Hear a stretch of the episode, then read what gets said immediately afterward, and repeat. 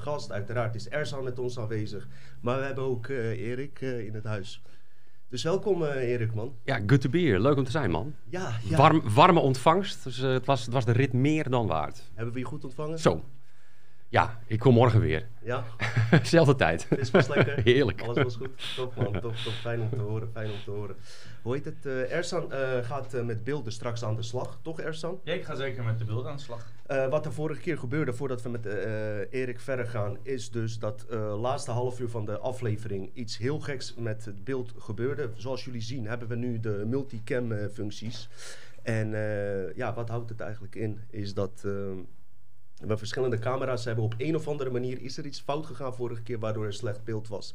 Vandaar dat ik nog eventjes bij benoem. Vorige keer was uh, Nijo, die heeft een actie voor jullie. Wil je Vitoli halen?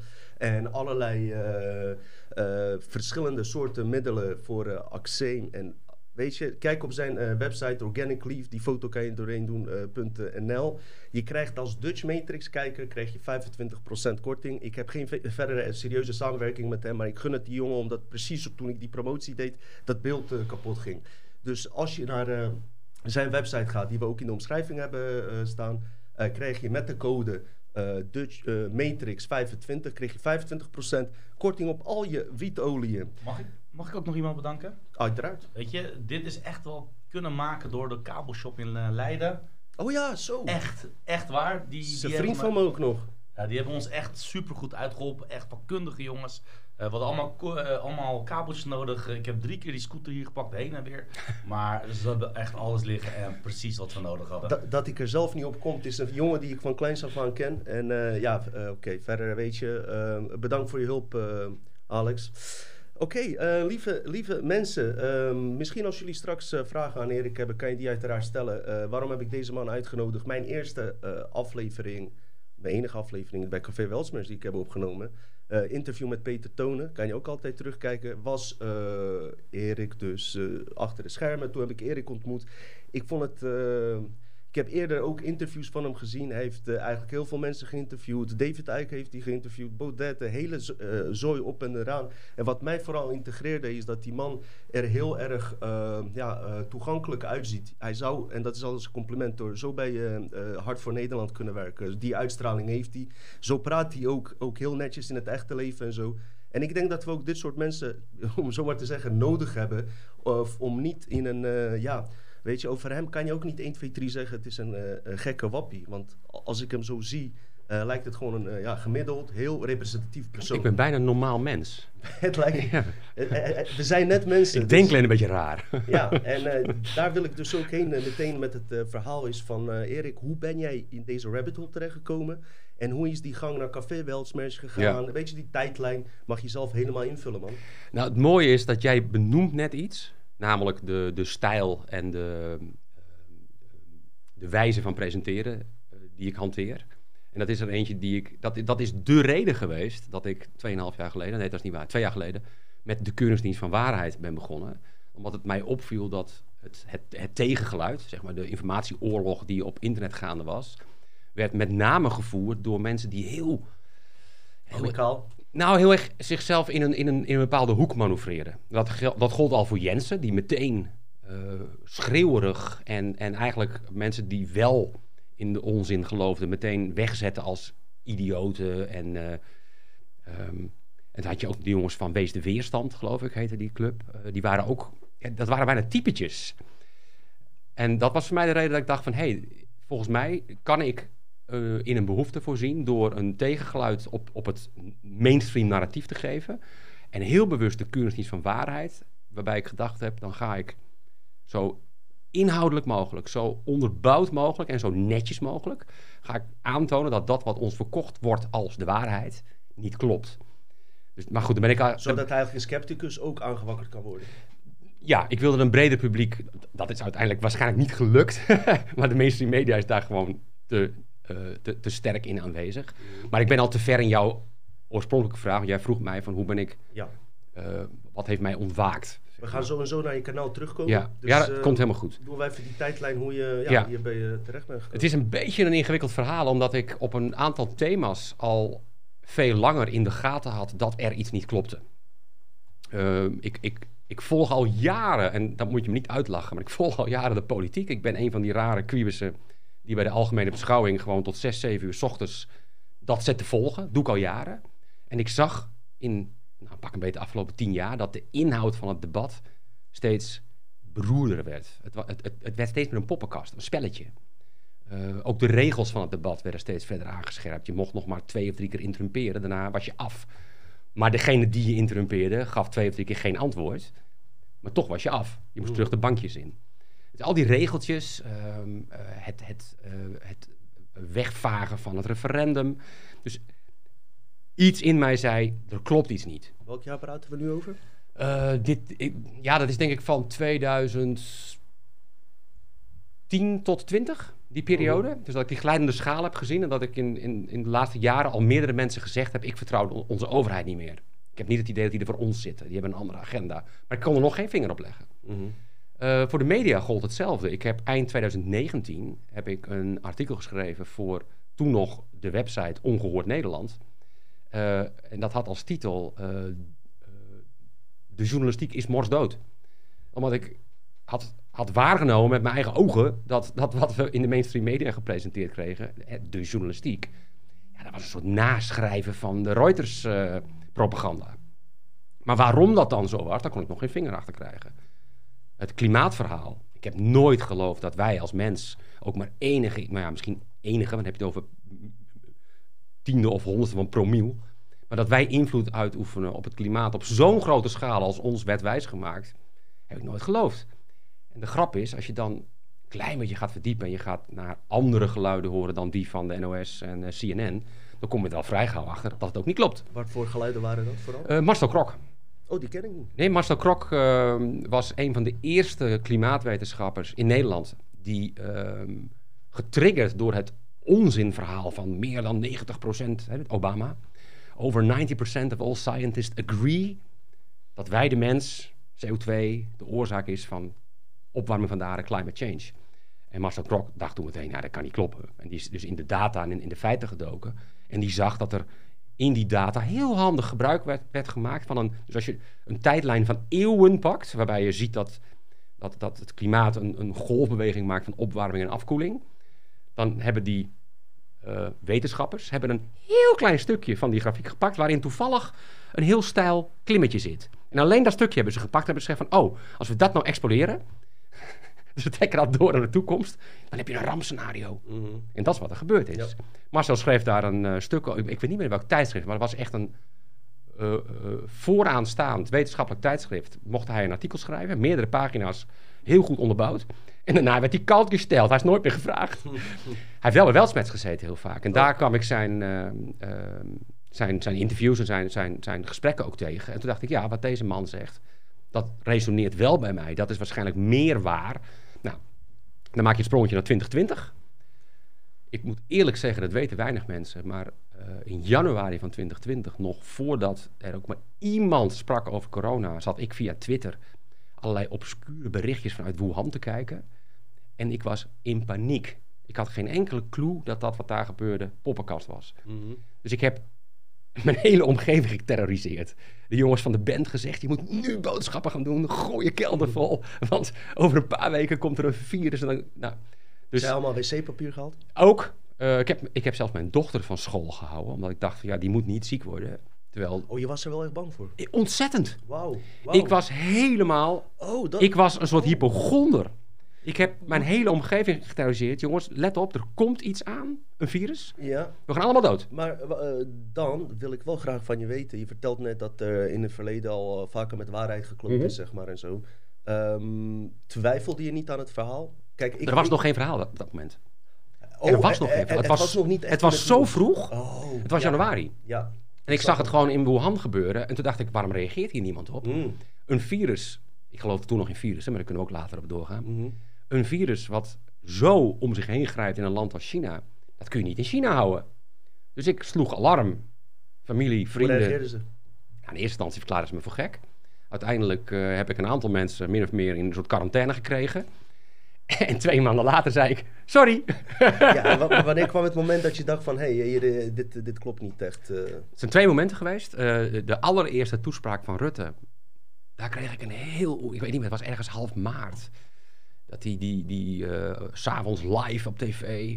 Tenminste, we moeten denken dat het live was. Waarschijnlijk was het opgenomen, maar Dit is echt live. dit is echt live. ja. Nee, maar daar kreeg ik een onheimisch gevoel bij. Mijn, mijn onderbuikgevoel zei, er klopt iets niet. Maar ik, maar ik wist nog niet wat. Maar ik werd wel op scherp gezet.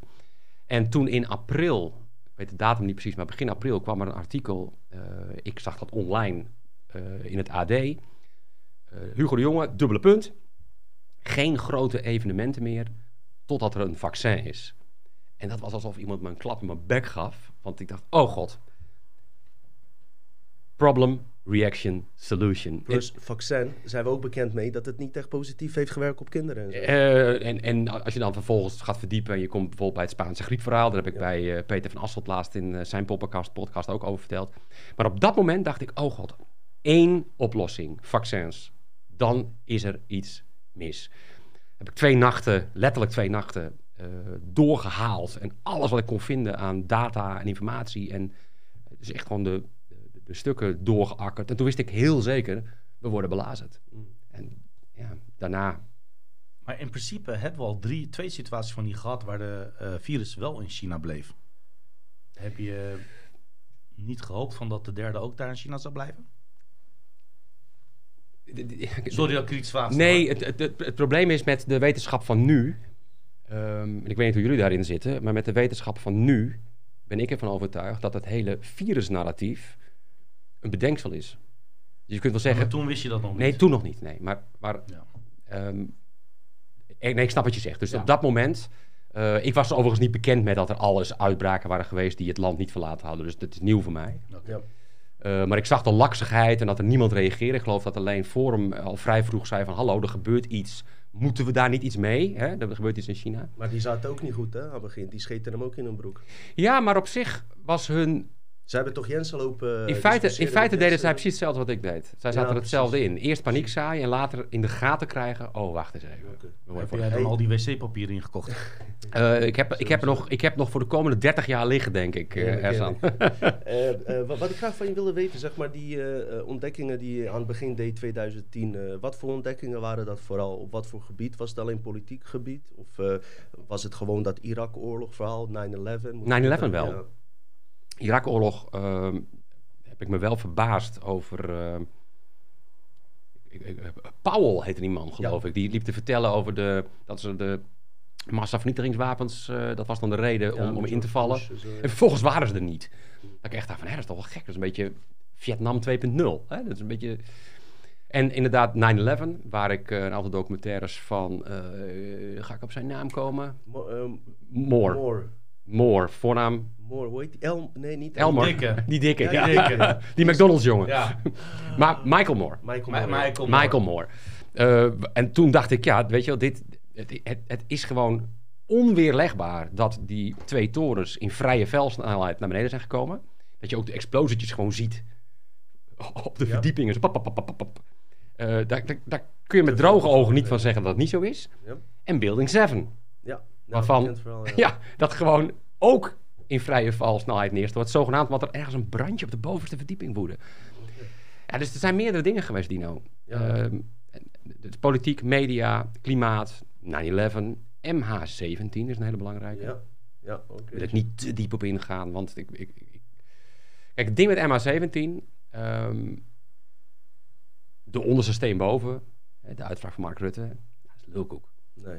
En ook bij MH17 zie ik een beetje hetzelfde gebeuren wat je ook bij, bij COVID ziet. Hè. Op een gegeven moment krijg je een discussie. Komt het uit een lab of komt het uit een vleermuis?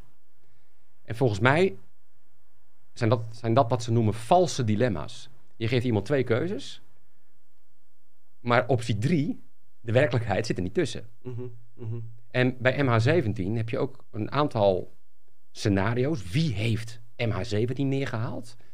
Maar het scenario dat het niet neergehaald is, maar dat de MH320 daar op de grond lag, dat scenario zit er nooit tussen. Nee.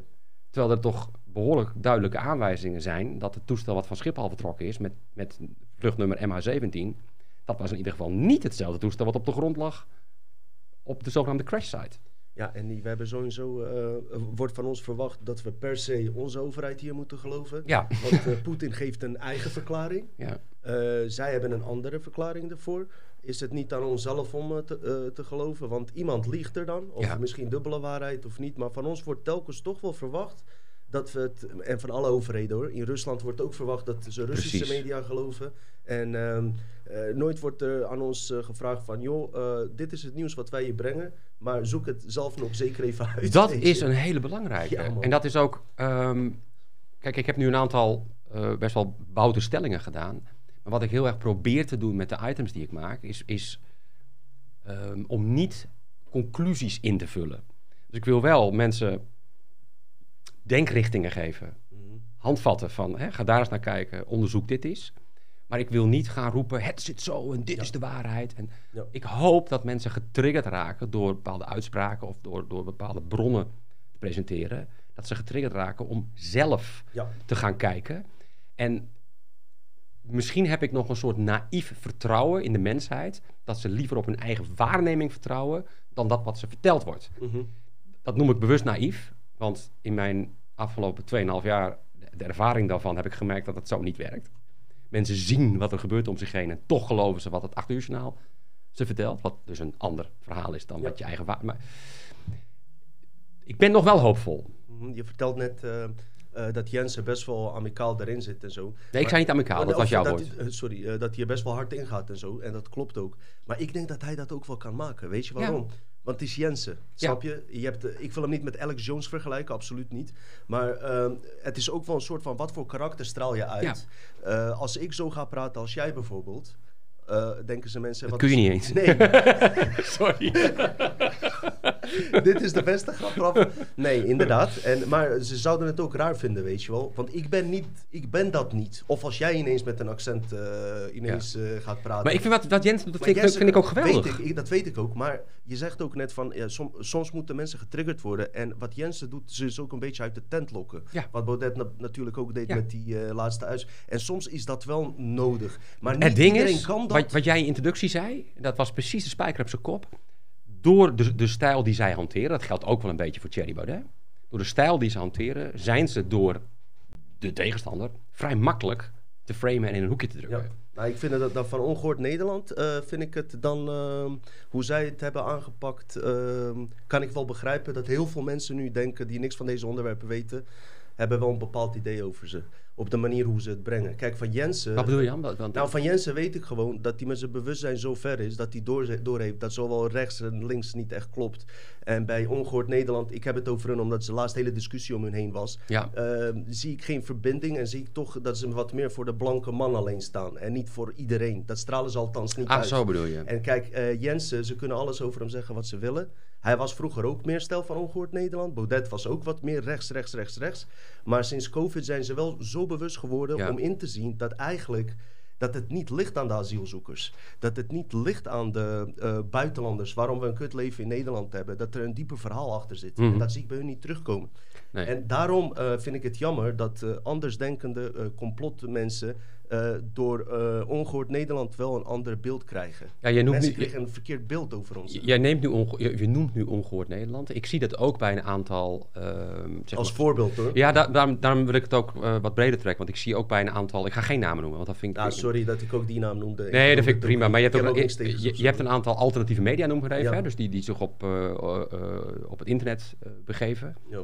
En daar zie ik een beetje hetzelfde wat jij nu Mhm. omschrijft. Dat dat meegaan in het narratief. Dus niet gewoon met gestrekt been erin durven te gaan. En te Ja. zeggen van, joh, het is gewoon... Laten we nou gewoon de zaken benoemen zoals ze zijn. We hebben te maken met een overheid die uit is op een dictatoriaal, totalitair regime. En dat is niet alleen onze overheid, want dat zijn maar, dat zijn maar poppetjes, die, die Mhm. voeren iets uit. Dat geldt wereldwijd. Alle overheden zitten hierin. En zolang je mee blijft lullen over eh, het is niet, je wordt er niet zo ziek van en er zijn, er zijn eh, medicijnen in plaats van een vaccin. Als je, daar, als je daar hele items aan gaat besteden, avondvullend, de ene specialist en de andere wetenschapper uitnodigt om te gaan vertellen dat het virus niet zo gevaarlijk is, dan blijf je dus meedoen met de leugen. Mhm. En daar kan ik zo slecht tegen. Kan je mij even vertellen hoe je, eh, dus eh, ja, je wa- was bewust, eh 2000, 2015 was je waarschijnlijk eh, docu's, boeken gaan lezen en alles. Hoe kwam je uiteindelijk bij Café Welsmers tere- terecht? Ja, dat is een leuke. Dan ga ik even weer terug naar het moment dat ik in 2020, ehm, april, mei, dat ik in de gaten had. Fuck, dit is een, dit is een groter plan. Dus dat, dat, was het moment dat ik alle, nou, nog niet alle, maar dat ik, dat ik het, het, ehm, de eindjes kwamen bij elkaar. Klimaatagenda, COVID. ehm, ik snapte ineens waarom de media ons voorlogen. Ik snapte ineens wat de politiek werkelijk met ons van plan was. Dus de, de, de, stukjes vielen in elkaar. Toen heb ik eerst een maandje of drie, het is geen grapje, in een soort non-stop paniekaanval geleefd. Eh, de hele dag trillen op mijn benen, Oh. trillende handjes, 's s'nachts eh, eh, nachtmerries, badend in het zweet wakker worden. Ik maak geen grap. En dat was een soort, achteraf denk ik, een soort rouwproces. De, de gewaarwording dat mijn hele leven één fucking... Besef. Ja, Mhm. dat mijn hele leven één fucking leugen was geweest. Dat we in een... eh, dat we altijd al in... We zaten altijd al in dit systeem. Illusie. Alleen ze, ze kwamen nu naar voren. Er, wordt nu, er werd nu bij ons aan de deur geklopt. Ja, dit is die endgame, zeg maar eventjes. Ja. Hè? Ja. Dus dat heeft drie maanden eh, totale paniek opgeleverd. Eh, en daarna ontstond een totale rust. ja, want dat zei je net ook. Dat je er uiteindelijk wel eigenlijk beter uit bent gekomen. Ja, Je staat er nu beter voor dan daarvoor. Ja, ja, ja, ja. Ik, had, ik had een eigen bedrijf. Eh, wij maakten websites. eh, met name ZZP'ers, MKB'ers was, was de doelgroep. En die ontzorgden wij volledig. Dus, we, dus we- we- naast de website schreven we teksten. Maakten we de huisstijl, hè, de logo's, fotografie. Ehm, dus wij leerden zo'n bedrijf kennen of zo'n ondernemer die ging starten. Eh, dan ging je gewoon een middagje koffie drinken, goed gesprek voeren. En dan maakten we een plan. En dan zeiden we tegen de ondernemer, doe jij nou gewoon waar jij goed in bent. Dan ontzorgen wij jou. En hele leuke dingen gemaakt. Maar ik merkte in de zomer van 2020, ik kon, mijn- ik kon mijn koppen niet bijhouden. Inmiddels was ik me bewust dat er iets veel groters speelde, ehm, waar we allemaal ingezogen werden. En ik was bezig websitejes te maken voor een, een, een eenmanszaak om de hoek. Maar ja, je moet ook overleven, toch? Ja, maar toen werd het november 2020 en ik was al heel lang met het idee aan het spelen waar we het net over hadden. Van ja, er is een ander soort geluid nodig dan die jongens en meisjes die zich vrij makkelijk laten framen. Dus laat ik nou eens de stoute schoenen aantrekken. En ik ga een aantal items, een aantal onderwerpen, ga ik echt zo, zo gedegen en zo, zo objectief mogelijk tegen het licht houden. Maar je zei dat je angst had. Zo. Dus die, die, die eerste drie perioden. Hij, hij was toch net even aan het eh, Ja, ja. in zijn verhaal. Oké, sorry. nee, maar- was- sorry, sorry, sorry, zeg maar. Maar je zei dat je die, die, die angst had. Wat deed dat met je als persoon, zeg maar? Nou, ik, ik, ik, ik was helemaal niet, ik kon me niet meer concentreren. Dus terwijl, terwijl er gewerkt moest worden, eh, ja, weet je, ik, ik, had, ik had een aantal mensen die, die de fotografie deden en die de logo's eh, maakten. Maar ik kon niet eens de opdracht overbrengen, want ik gewoon met mijn hoofd er niet bij was. Ik was alleen maar bezig met, oh mijn god, wat is er aan de hand in de wereld? Ik vond dat dat hele werk, dat, dat, het was totaal oninteressant maar, geworden. Maar wat, zou het dan ook wellicht kunnen dat die angst jou ook zo heeft gecreëerd... waarvan dit er gemakkelijk ook uitweg voor je kon zijn... om te denken van, dat is allemaal bullshit. Want geloof je helemaal niks meer erin. Geen kern van waarheid of niks meer. Waarvan? Bijvoorbeeld die angst die je hebt gecreëerd, die is, je zocht een uitweg. Angst, eh, angst kan reageren, angst kan je zorgen dat je de andere kant op gaat. Heeft die angst jou deze kant op geduwd om te denken van nou, het bestaat gewoon helemaal in één keer niet Nee, meer. nee, nee, Dus- dat is andersom gegaan. Het is research geweest wat mijn hoofd gevoed heeft. En dat wat de kennis die ik opgedaan heeft, heb, die leidde tot die angst. Het, is, het is niet dat ik dacht ik van, wil het even duidelijk ook voor Nee, de kijkers. Dus dit is heel ik snap wat je belangrijk dat- zegt. Dat, dit even gezegd wordt. Ja, dat jij maar hij, hij niet heeft, vanuit bij hem is het juist andersom gegaan. ik snap wat je zegt. Heeft hij duidelijk ook Het is gezegd. niet dat ik op zoek ben gegaan, want daar kunnen we het zo ook nog over hebben trouwens. Dat ik, Ja. ik, ik zie wel een aantal stromingen, dan ga ik zo toch even mijn verhaal nog even afmaken. Maar ik zie een aantal stromingen waarvan ik denk dat dat precies is wat jij omschrijft. Er zijn, ehm, er zijn mensen die, die eh, het lijkt bijna alsof ze zich vastklampen aan strohalmen. Allemaal bewegingen. En dan, je, hebt, je hebt de Trump-movement. Nee, nee, achter de schermen is Trump het allemaal aan het oplossen. De Q-beweging, Trust the Plan. Eh, er zijn mensen die naar een andere dimensie aan het, eh, aan het trillen zijn. Maar ze hebben één ding met elkaar gemeen. Ze doen niks. Ze wachten op een externe verlosser. Een externe verlosser. En ze doen helemaal... En, en ik denk... Maar dat, en dat, is, dat kan ik niet bewijzen, dat kan ik ook niet eh, ehm, inhoudelijk onderbouwen. Ik denk dat, dat die Trump, Q, 5D, dat dat bedenksels zijn van onze vijanden. Omdat zij donders goed in de gaten hebben dat als je ook binnen je, ehm, je tegenstander eh, een soort verdeel en heers intern creëert, dan is je tegenstander dus niet. Kijk, als wij gegroepeerd zouden zijn, was dit morgen over, hè? Als we met z'n allen tegelijk met fakkels en hooivorken en pek en veren, want dat heb ik altijd al een keer willen doen, naar Den Haag eh, vertrekken, dan ligt het zoutje in de Noordzee. Over- Waar- waarom denk je dat ons dat eh, telkens niet lukt? De mensheid in het algemeen, niet alleen in Nederland. Om een keer met z'n allen bij elkaar te komen, zeg maar. Dat is denk ik precies wat ik net zei. Ja, dat, is, Dat- dat, dat- is, dat- precies- dat is precies wat hij net zei. Als je goed kijkt Ja. naar de hele woke movement, doet exact dat met de mensheid. wa- waarom, waarom het nu werkt. Desinformatie. Divide and conquer. Ja. En het gaat van, van Black Lives Matter tot eh, de GHBTQL, en weet ik wat letters allemaal, movement. Er moet overal ruzietjes ontstaan, waardoor we elkaar niet vinden. Mhm. We, we verenigen ons niet. Ze zeiden, we, zeiden, we zeiden net bij het eten ook al van eh, juist door iedereen in de. Zij zijn juist degene die mensen in segmenten eh, plaatsen door ze benamingen te geven. Exact. Dus al, eh, weet je, als ze zo verder gaan, mensen die eens in de drie dagen eh, maar kunnen slapen, hebben ze ook weer een benaming voor. En mensen die op herten vallen, maar niet op hazen of eh, Ja. mussen, en weer een benaming. Dus eigenlijk. En ben je moet voor iedereen lief zijn. Ja, ja. Nou, als- ik, dat, dat, dat vind ik geen probleem. Hè. Ik Nee. bedoel best, iedereen die lief is te- tegen mij, ben ik ook lief tegen een andere persoon. Daar ben ik met je precies. eens. ja. Maar als die andere ook, ja, precies. Nou ja. Eh, maar dat Welsmers-verhaal. Ja. Of wil je nog naar die stromingen gaan? Nee, nee, ik, ik, ik, ik was er ook bijna. Ehm, dus uiteindelijk had ik eh, eh, bedacht dat ik toch wel iets in de informatieoorlog wilde gaan toevoegen. En zo ontstond de Keuringsdienst van Waarheid. Eh, december 2020 eh, heb ik mijn eerste video gelanceerd met de titel Wat is er mis met de media? Dat haakte mooi in op dat stuk wat ik vlak daarvoor geschreven had voor eh, Ongehoord Nederland. En Eh, meteen je kanaal even melden. Nee, dat is niet dat kanaal. Dit Oh, nee, nee, nee. Oh, laat maar, laat kanaal maar. 13 is we straks. Keuringsdienst van Waarheid heb ik al aan Ersan Ah, doorgegeven. Kanaal Ja. 13 is alweer te zielen, dat vertel ik zo nog wel. Ja. Oh, Oké, top. Ehm, de- dus de eerste video, Wat is er mis met de media? Die heeft, die heeft geloof ik drie dagen online gestaan. Toen heeft YouTube hem eraf geflikkerd. Oké. Toen heb ik een video gemaakt over eh, mondkapjes, dubbele punt, zin of onzin. Die heeft het nog geen dag volgehouden. ja, toen ben ik maar heel langzaam me gaan bewegen richting een eigen server waar de video's draaiden. Dat- en eh, dan, dan blijven ze wel staan. En eh, de grote knaller was... ehm, zijn wij proefkonijnen? was een filmpje waarin ik ehm, de VAERS, of de VARS, ik weet niet hoe het uitspreekt, database eh, in Amerika. Wat een draak van een database is. Dan moet je echt, je, moet, je moet bijna eerst eh, een studie volgen om daar iets, draai te bellen gemaakt. Heel, heel lang zoet mee geweest. En daaruit, samen met nog een andere eh, database, kon ik ja, volgens mij onweerlegbaar aantonen dat, ehm, dat die prikjes niet alleen heel erg schadelijk waren, maar er was ook gewoon oud in die open dat ze tot ongeveer tot nu, augustus, september 2000, oh nee, 23, sorry, tot volgend jaar, Ja.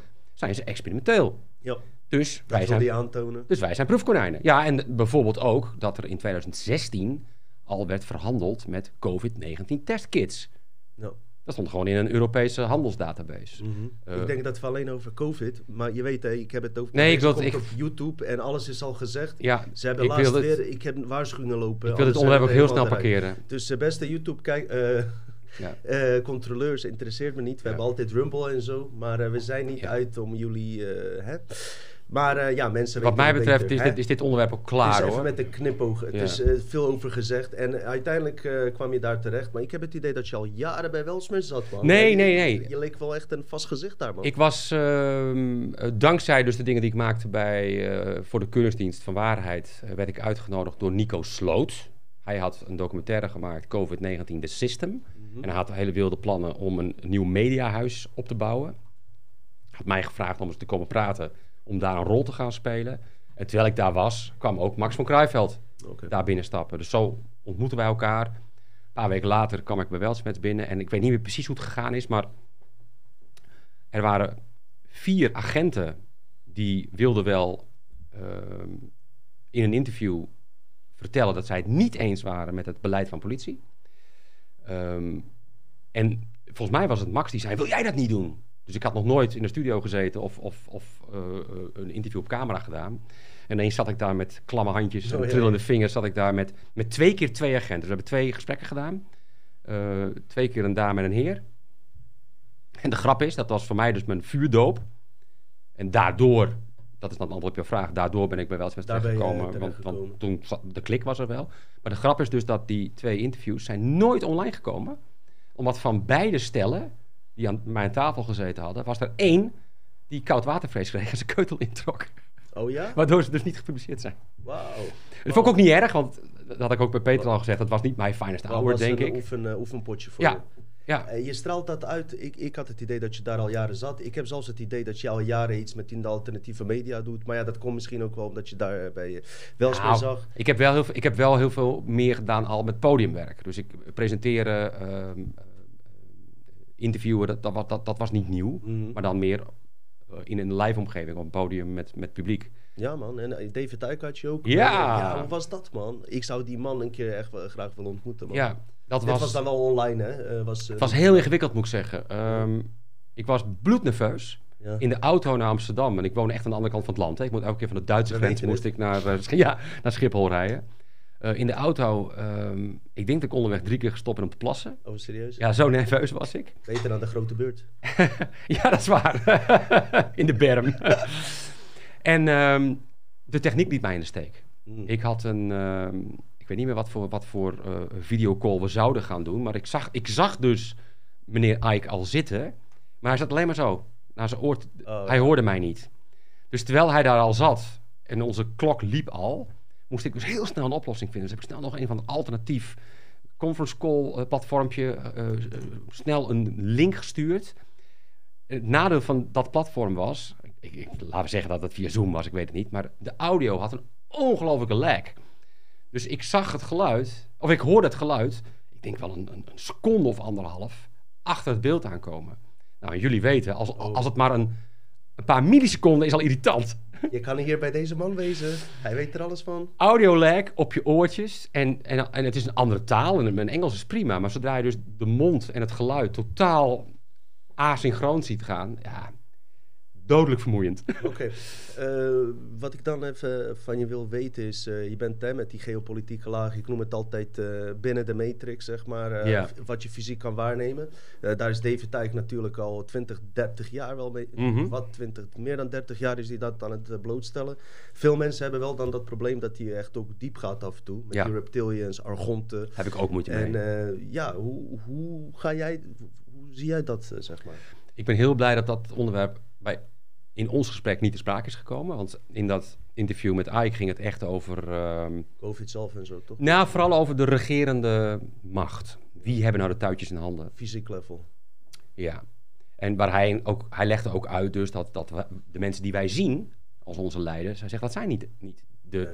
Dus hij omschreef het heel mooi. Hij zei, het is als een spinnenweb.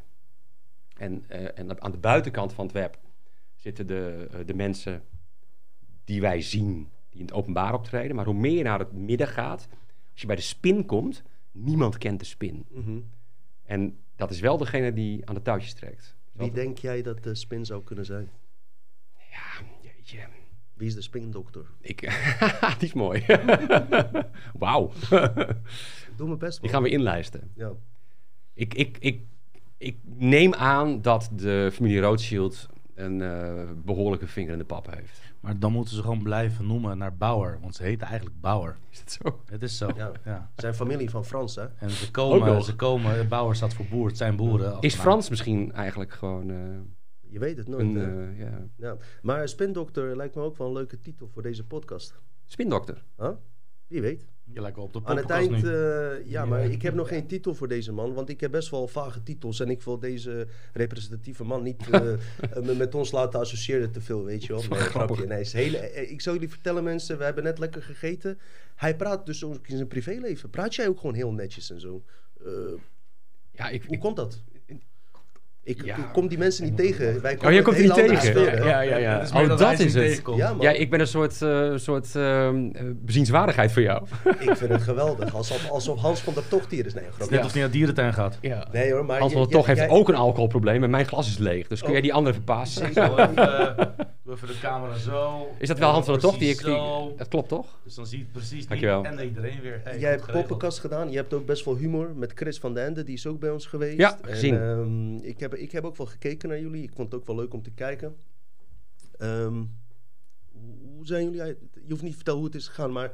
Wat was de reden dat je überhaupt bij Welsmens wegging en je eigen kanaal begon? Want ik wil ook even dat mensen weten dat jij een eigen kanaal hebt. Nou, het kanaal Ik, bestond dus al, hè? Oké, Ik was eigenlijk het kanaal gestaakt. Kun je nog niet van waarheid. om daar... eh, Omdat bij Welsmet zat en ik had Ja. geen tijd meer om dat erbij te doen. Ehm, ik, ja, enerzijds ben ik blij dat je deze vraag stelt, omdat ik namelijk eh, al zoveel onzin heb horen vertellen over de breuk met Welsmets en Poppenkast. Je hoeft mij dat niet eens uit te leggen hoor, maar meer van eh, globaal misschien voor mensen dat ze weten. Want ze kennen je wel daarvan Ja. best wel. Weet je. Ja, ehm, wat mij verbaasde. Ehm, kijk, het, het- het verhaal rondom Poppenkast is, is heel simpel en dat kan ik, kan, kan ik je in drie minuten vertellen. Wat mij verbaasde was dat Chris van den Ende hier een tijdje terug zat en die vertelde gewoon een halve waarheid. Of een halve leugen, hoe je het, hoe je het maar wil noemen. Mhm. Ehm, want er is dus, ehm, dat heb je misschien gezien, eh, een week of twee nadat Poppenkast ineens gestopt was, Ja. eh, kwam er een videootje waar Max en Tommy samen gingen vertellen waarom zijn wij gestopt met Heb Poppenkast. ik gezien. Nou, dat was eh, eh, creativiteit ten top. Eh, Koen en ik, Koen was zeg maar die, die oude zemelaar die, bedenker, die aan tafel zat en de bedenker. Ja, Koen en ik hebben elkaar daarna gebeld en zeiden, heb je het gezien? Heb je gezien wat ze daar aan het vertellen zijn? Het is gewoon gênant. Mhm. Ehm, in het kort, wat er gebeurde. Koen was de bedenker van Poppenkast. In de aanloop naar de eerste opnames toe is er een team geweest. En ik, ik denk dat eh, ehm, eh, een aantal jongens van eh, Hart voor Humor in die denktank zaten. Eh, Max zelf zat daarbij, hè, Max van Kruijveld. En, en eh, Koen zat erbij als, als, als bedenker. En ehm, ergens kwam een moment dat eh, volgens mij Max tegen mij zei... er is ook een rol voor jou. En dat was dan, nou ja, zeg even de, de, de moderator. Dus ik zat aan het hoofd van die tafel en moest dan die drie mannen een beetje in het gereel houden. En die fragmenten op de juiste momenten erin gooien. Zo'n beetje... Jij, jij was een soort van eh Wilfred Gené van eh dat, dat idee, dat was, ook, dat was ook echt de vergelijking die we Oh ja, maakten. Wilfred ja. Gené, ja. Heb ik het toch goed? Ja. Maar heb jij dan ook zo'n apparaat? Ja, ik had zo'n zo'n stream deck. Nee, had ik ik, bedoel eh, meer dat, die scheerapparaat. Oh, ik, ik, ik, kijk, ik, niet? Hoe heet het? ik, heb, ik kijk helemaal geen tv. 0, niks. Dus ik, ik, ik weet het niet. Hoe, hoe heet die? Zet even in de comments. Hoe heet die apparaat? Die scheerapparaat. door. Nee. 10 minuten. Oké, maar wat, wat er Lady. Shave. Ehm, het ging als volgt. Koen was degene die de aflevering voorbereidde. Die was gewoon thuis, een dag lang was hij bezig om fragmenten uit te zoeken die geschikt waren voor Poppenkast. Dan kwam hij met een stuk of twintig van die fragmenten kwam die op dinsdagochtend eh, binnenlopen. Dan gingen wij daar een paar uur over soebatten en kijken wat, wat kunnen we wel gebruiken, wat niet. En dan bleven er 12, 13, 14 over. Mhm. Die moest ik even goed in mijn kop hebben, want wat er aan die tafel gebeurde is allemaal ad hoc. Dus het was niet, niet dat we een volgorde hadden bedacht. Ik had op mijn streamdeckje, die programmeerde ik dan smiddags, dan kon ik die knoppen, en daar stond dan precies welk fragment wat was. Ik had ze op een briefje staan en dan kon ik aan de hand van wat er aan tafel gebeurde, kon ik daarop anticiperen. En dan vervolgens, want we namen meestal wel anderhalf uur op, dan ging ik met het ruwe materiaal ging ik naar huis, editen. Mhm. En dan verdween de helft.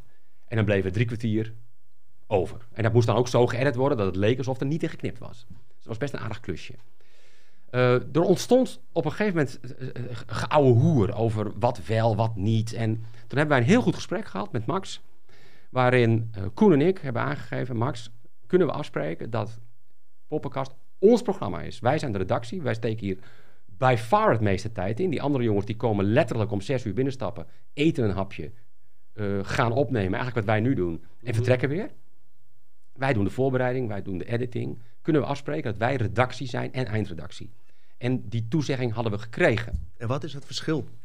Als je wel die eindredactie hebt. En dat kwam omdat er steeds eh, discussies ontstonden over de bezetting aan tafel. Dus je wilde even gewoon een goede lijn erin hebben. Er was, er was één persoon aan tafel die, ehm, die, die, de, die de hoofdreden vormde dat er drie kwartier uit moest. Een stoorzender noemen we dat wel. Heel veel geluid maken, heel hard lachen om zijn eigen grappen, maar zelden echt grappig zijn.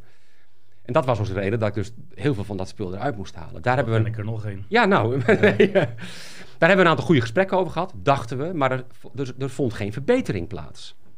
Eh, toen uiteindelijk, daar hadden we ook al eh, eh, eerder op aangestuurd, uiteindelijk hebben we bij opname nummer 15, dat was eh, boven, waar ook de optredens plaatsvinden van Hart voor Humor, met publiek. Eh, bij opname 15 hadden we iemand anders aan tafel zitten. In plaats van de, de, de, de vaste eh, comedian die aan tafel zat. En ehm,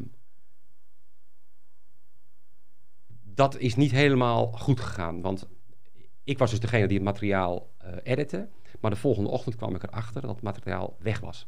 Hm. Er waren geen opnames meer.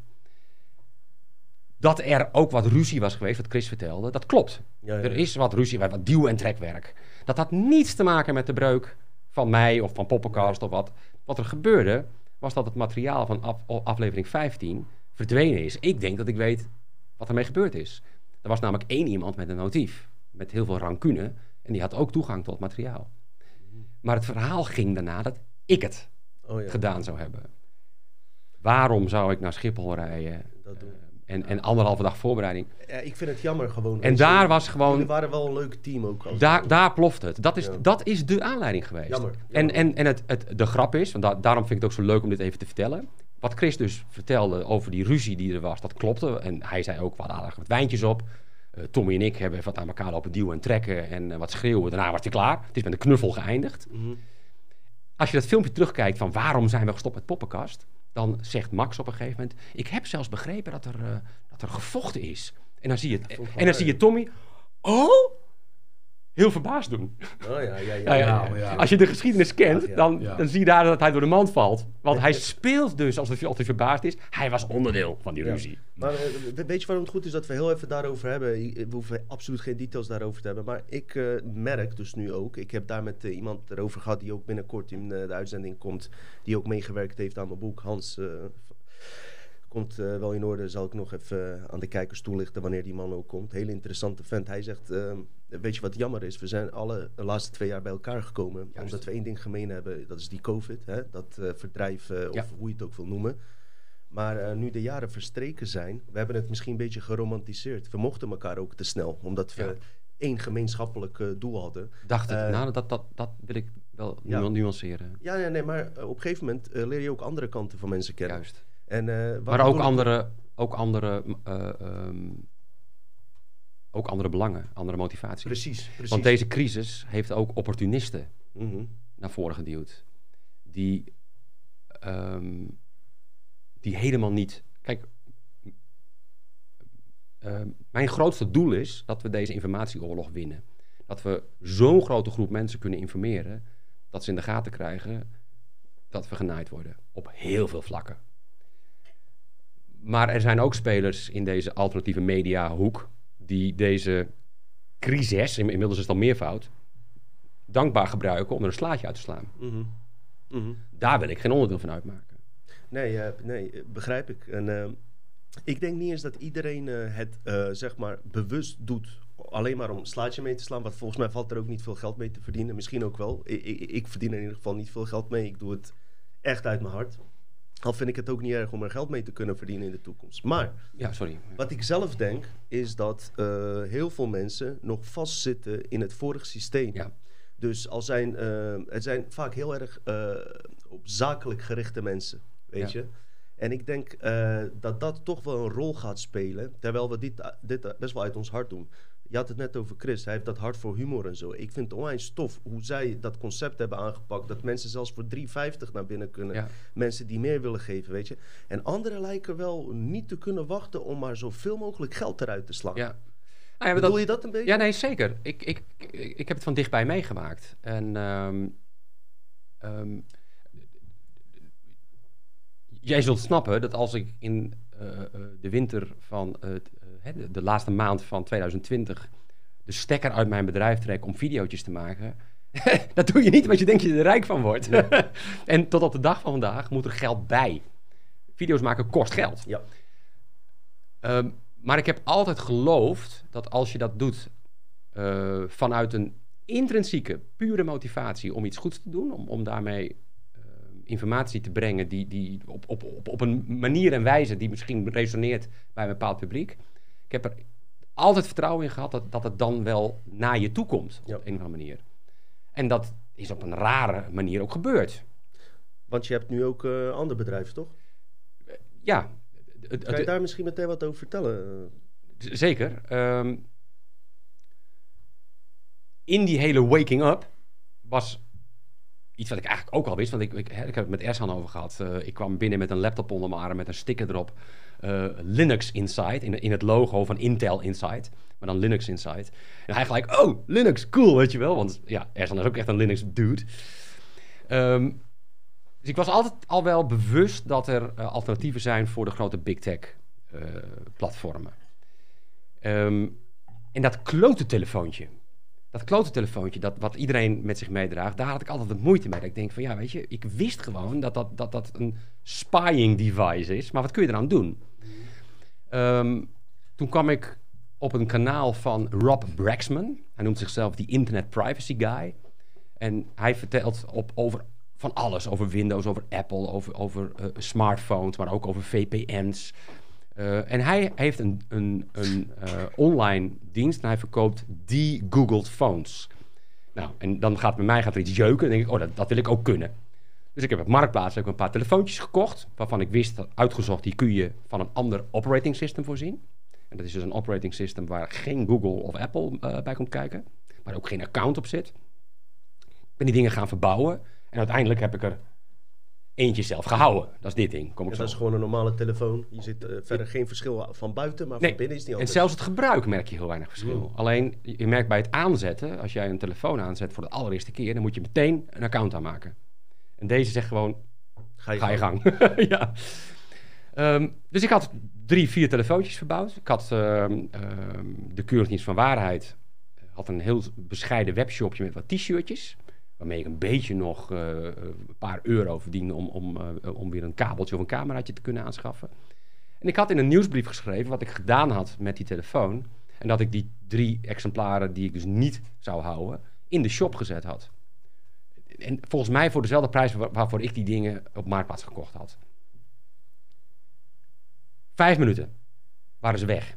Wauw. En daarna liep mijn mailbox vol. Heb je er nog meer? Allemaal drugsdealers? Of? Ja, dat wilde ik ook zeggen. Ja. Ja, ja, ja. En toen dacht ik, wacht eens even. Er zijn natuurlijk veel meer mensen die net als ik zich eigenlijk heel graag willen losmaken van big tech, maar niet weten hoe. En eerlijk is eerlijk, eh, er sneuvelt wel eens een telefoon, want als je één verkeerde handeling doet, dan poink, heb je hem gebrikt, zoals dat zo mooi heet. Eh, waarom is het voor mensen interessant, zeg maar? Eh, wie kan daar niet meekijken? Of kan je misschien vertellen in het algemeen? Je had het net over bijvoorbeeld, tijdens het eten vertelde je over die voorwaardes eh, die we eigenlijk ja, over ja, overlezen. Misschien dat mensen dan even zich meer beseffen van in hoeverre er eigenlijk mee wordt gekeken. Moet ik even een klein eentje bij Ja. vertellen. Dus de- deze telefoons zijn bedoeld om je privacy te beschermen. En dat betekent dus dat jouw data, jouw persoonlijke data, niet gedeeld wordt met een big tech firma als Apple of Google. En indirect dus ook niet met overheidsinstanties, denk ik. Dus als je van de aardbodem wil verdwijnen, hè, als, je, als je gezocht wordt door eh, overheidsinstanties en ze zitten achter je aan, dan, dan moet je helemaal geen telefoon. Ook geen Nokia 6310. Nee. Dan gewoon geen telefoon en rennen. dus het gaat over dat jouw persoonlijke data niet meer... Dus, dus dat, alles wat je met die telefoon doet... is niet meer verbonden met een identiteit... omdat er geen account op dat ding zit. Als je daarna een beetje bewust omgaat met welke apps gebruik je... dus ga nou niet meteen weer. LinkedIn, Facebook en, ehm, en, en, en weet ik veel... Grindr. TikTok in, eh, installeren. Maar er zijn allerlei alternatieven, open source bij voorkeur, waardoor je, ik ben hier naartoe gereden met de app Magic Earth. Dat is een open source navigatie-app. Mooie naam. En het allermooiste is nog, hij doet echt niet onder voor Google Maps. Hij is minstens zo goed. Flitspalen geeft hij ook weer? Eh, de vaste wel. Oké. Ja, mobiele Die kan bepaling. Flitsmeister gebruiken, toch? Die... Dat zou je dus niet moeten doen, want Flitsmeister is er weer een. Laat de- eh, even meteen even een foto van eh, verwijzing naar zijn, eh, naar zijn winkel ook. Nu we het toch hierover hebben, dat we het niet vergeten. Eh, als, als mensen dat willen doen, waar zouden ze dat kunnen doen? Op welke website? Als Nou, de website heet, de, de website heet goodbyebigtech.nl. Die staat ook op de beschrijving. Omschrijving. Omschrijving, ja. Oké, nou ja, good, Dus- good, goodbyebigtech.nl ehm, is, is, is, is ooit begonnen dus met een telefoon. Eh, de- de- de- de- Er staat op de site ook wel iets uitgelegd als je naar de frequently asked questions gaat. Hè, de, de, de vak, maar dat klinkt een beetje... En dan staat er ook uitgelegd wat dat ding, vragen. ja, wat het ding wel en niet doet. Eh, inmiddels ehm, zijn we uitgebreid. Want dat je telefoon een eh, spying device is, dat weten de meeste mensen wel. Maar je laptop of PC is niet veel beter. Mhm. Als daar Windows op staat of als daar een Apple besturingssysteem op staat. En het staat zelfs letterlijk in de algemene voorwaarden van Apple en van Windows. Ze zeggen gewoon, alleen niemand leest dat. Ze zeggen gewoon dat ze alles met je data kunnen en zullen doen wat zij goed vinden. En dat is inclusief je e-mails, inclusief je afbeeldingen, inclusief je documenten. Nou, Maar heb jij een Samsung TV thuis, een nieuwe? Ik heb überhaupt geen tv thuis. Oké, eh, tegenwoordig bijvoorbeeld Samsung TV, dan moet je de voorwaarden accepteren, anders kan je geen tv kijken. Ja. In die voorwaarden staat precies hetzelfde. Ja. Voor mij is in principe alleen belangrijk als ik naar Geleenstraat eh, ga, dat mijn vrouw niet weet waar ik ben. En Frankfurt. Ja. Ja, Nee, ik, tv kijken. eh, ik heb nog wel een, een, een, een schermpje aan de muur hangen. Waar ik eens in de twee weken. Dat is dan mijn guilty pleasure. Kijk ik daar hoe eh, Max zijn rondjes uh, raced. Maar dat deed je al daarvoor, hè, voordat het gekte werd. Maar- je- Nog al, voor, al voordat? Jos Verstappen reed, Ja, keek ik al. Formule Maar 1. Wauw, nie- wauw. Ja. niemand in de thuissituatie die Netflixt. Niemand. Wauw. Oh. Ja, ja, mijn dochter, maar die heeft haar eigen hoekje. Oh, ja, eh, ja, oké. persoonlijke dingen, man. Nee, nee, maar ik wilde, wel weten, een tv, Hey. geen tv thuis. Nee, begrijp Hoe doe je dat? Nee, mijn, mijn dochter heeft een, een, een beeldscherm op de kamer staan met, Oké. met een Chromecastje en eh, Juist, precies. Google dus. Erik, ik was even op die kanaal 13. Ik begrijp, eh, je hebt daar pas half jaar geleden heb je laatste video gedropt of zo. Dus die is Ja. even op pauze. Kan je wat over vertellen misschien hoe het zit. Maar eh, ik was best wel onder de indruk over die documentaire van Oliver Stone. man. Ja. En eh, kijk, wij hebben het hier niet vaak over dat geopolitiek level. Ook wat er in Oekraïne aan de hand is en Mhm. alles. Maar zou je misschien wat over die docu kunnen vertellen? Want ik vond het heel integrerend, man. Poeh, dat is wel een, een, een groot onderwerp meteen. Oké. Ehm, Hoeft niet te de, de, de reden dat ik die documentaire heb geplaatst is waar we het net al over hadden. Ik hoop dat mensen die documentaire gaan kijken met een open vizier. Als je die documentaire kijkt en je, en je, je opent je geest voor de mogelijkheid dat dat wat je tot nu toe weet over Oekraïne misschien niet waar is, dan ben je na anderhalf uur kijken ben je een ander mens. Oh ja? Kan je een paar punten noemen waar- waarvan je dacht, oh, dat was wel sterk? Ehm, tot 2014 had Oekraïne een president, Yanukovych. Die was democratisch gekozen. Maar Yanukovych was pro-Rusland. Ehm, en als er iets is waar eh, de Amerikanen en de Europeanen... en met name dan NAVO, NATO, hoe je het wil noemen, een hekel aan hebben... dan zijn het pro-Russische pro-Russische regeringsleiders... eh, op, op, in Europa of aan de rand van Europa.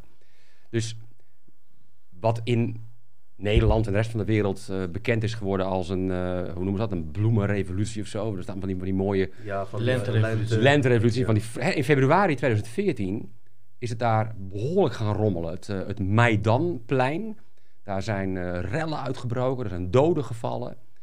Ehm, dat lijkt de aanleiding geweest te zijn voor een revolutie waarbij de, eh, de boef Yanukovych eh, heeft moeten toe- toezeggen dat er nieuwe verkiezingen zouden worden uitgeschreven. En in die nieuwe verkiezingen is hij met zo'n 57% eh, stemmen voor zijn tegenstander is hij van het podium verdwenen.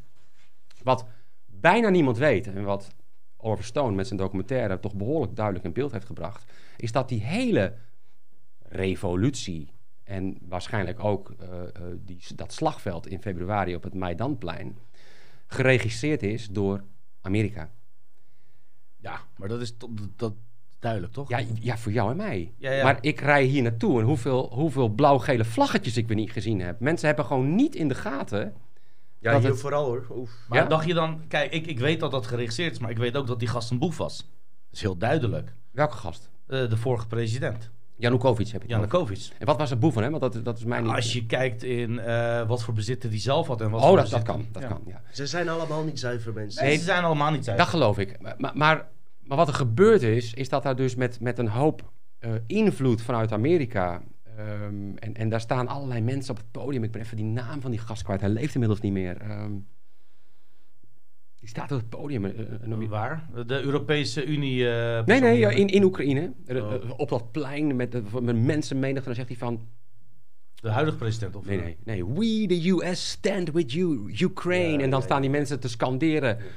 Eh, thank you, America, thank... En dan denk ik, oh mijn god, ze hebben geen Heb idee ook- hoe ze erin geluisterd Maar- maar worden. stel- En nu zijn we vijf, zes jaar verder. Ik, ik vind het heel klote. want Ik heb heel, en ik heb heel veel mensen tegen, maar als ik in Rusland ben, ik vind het prima. Kijk, hier, hier kan ik zeggen, Mark Rutte is een klootzak. Kan ik dat in Rusland zeggen over Poetin? Nee.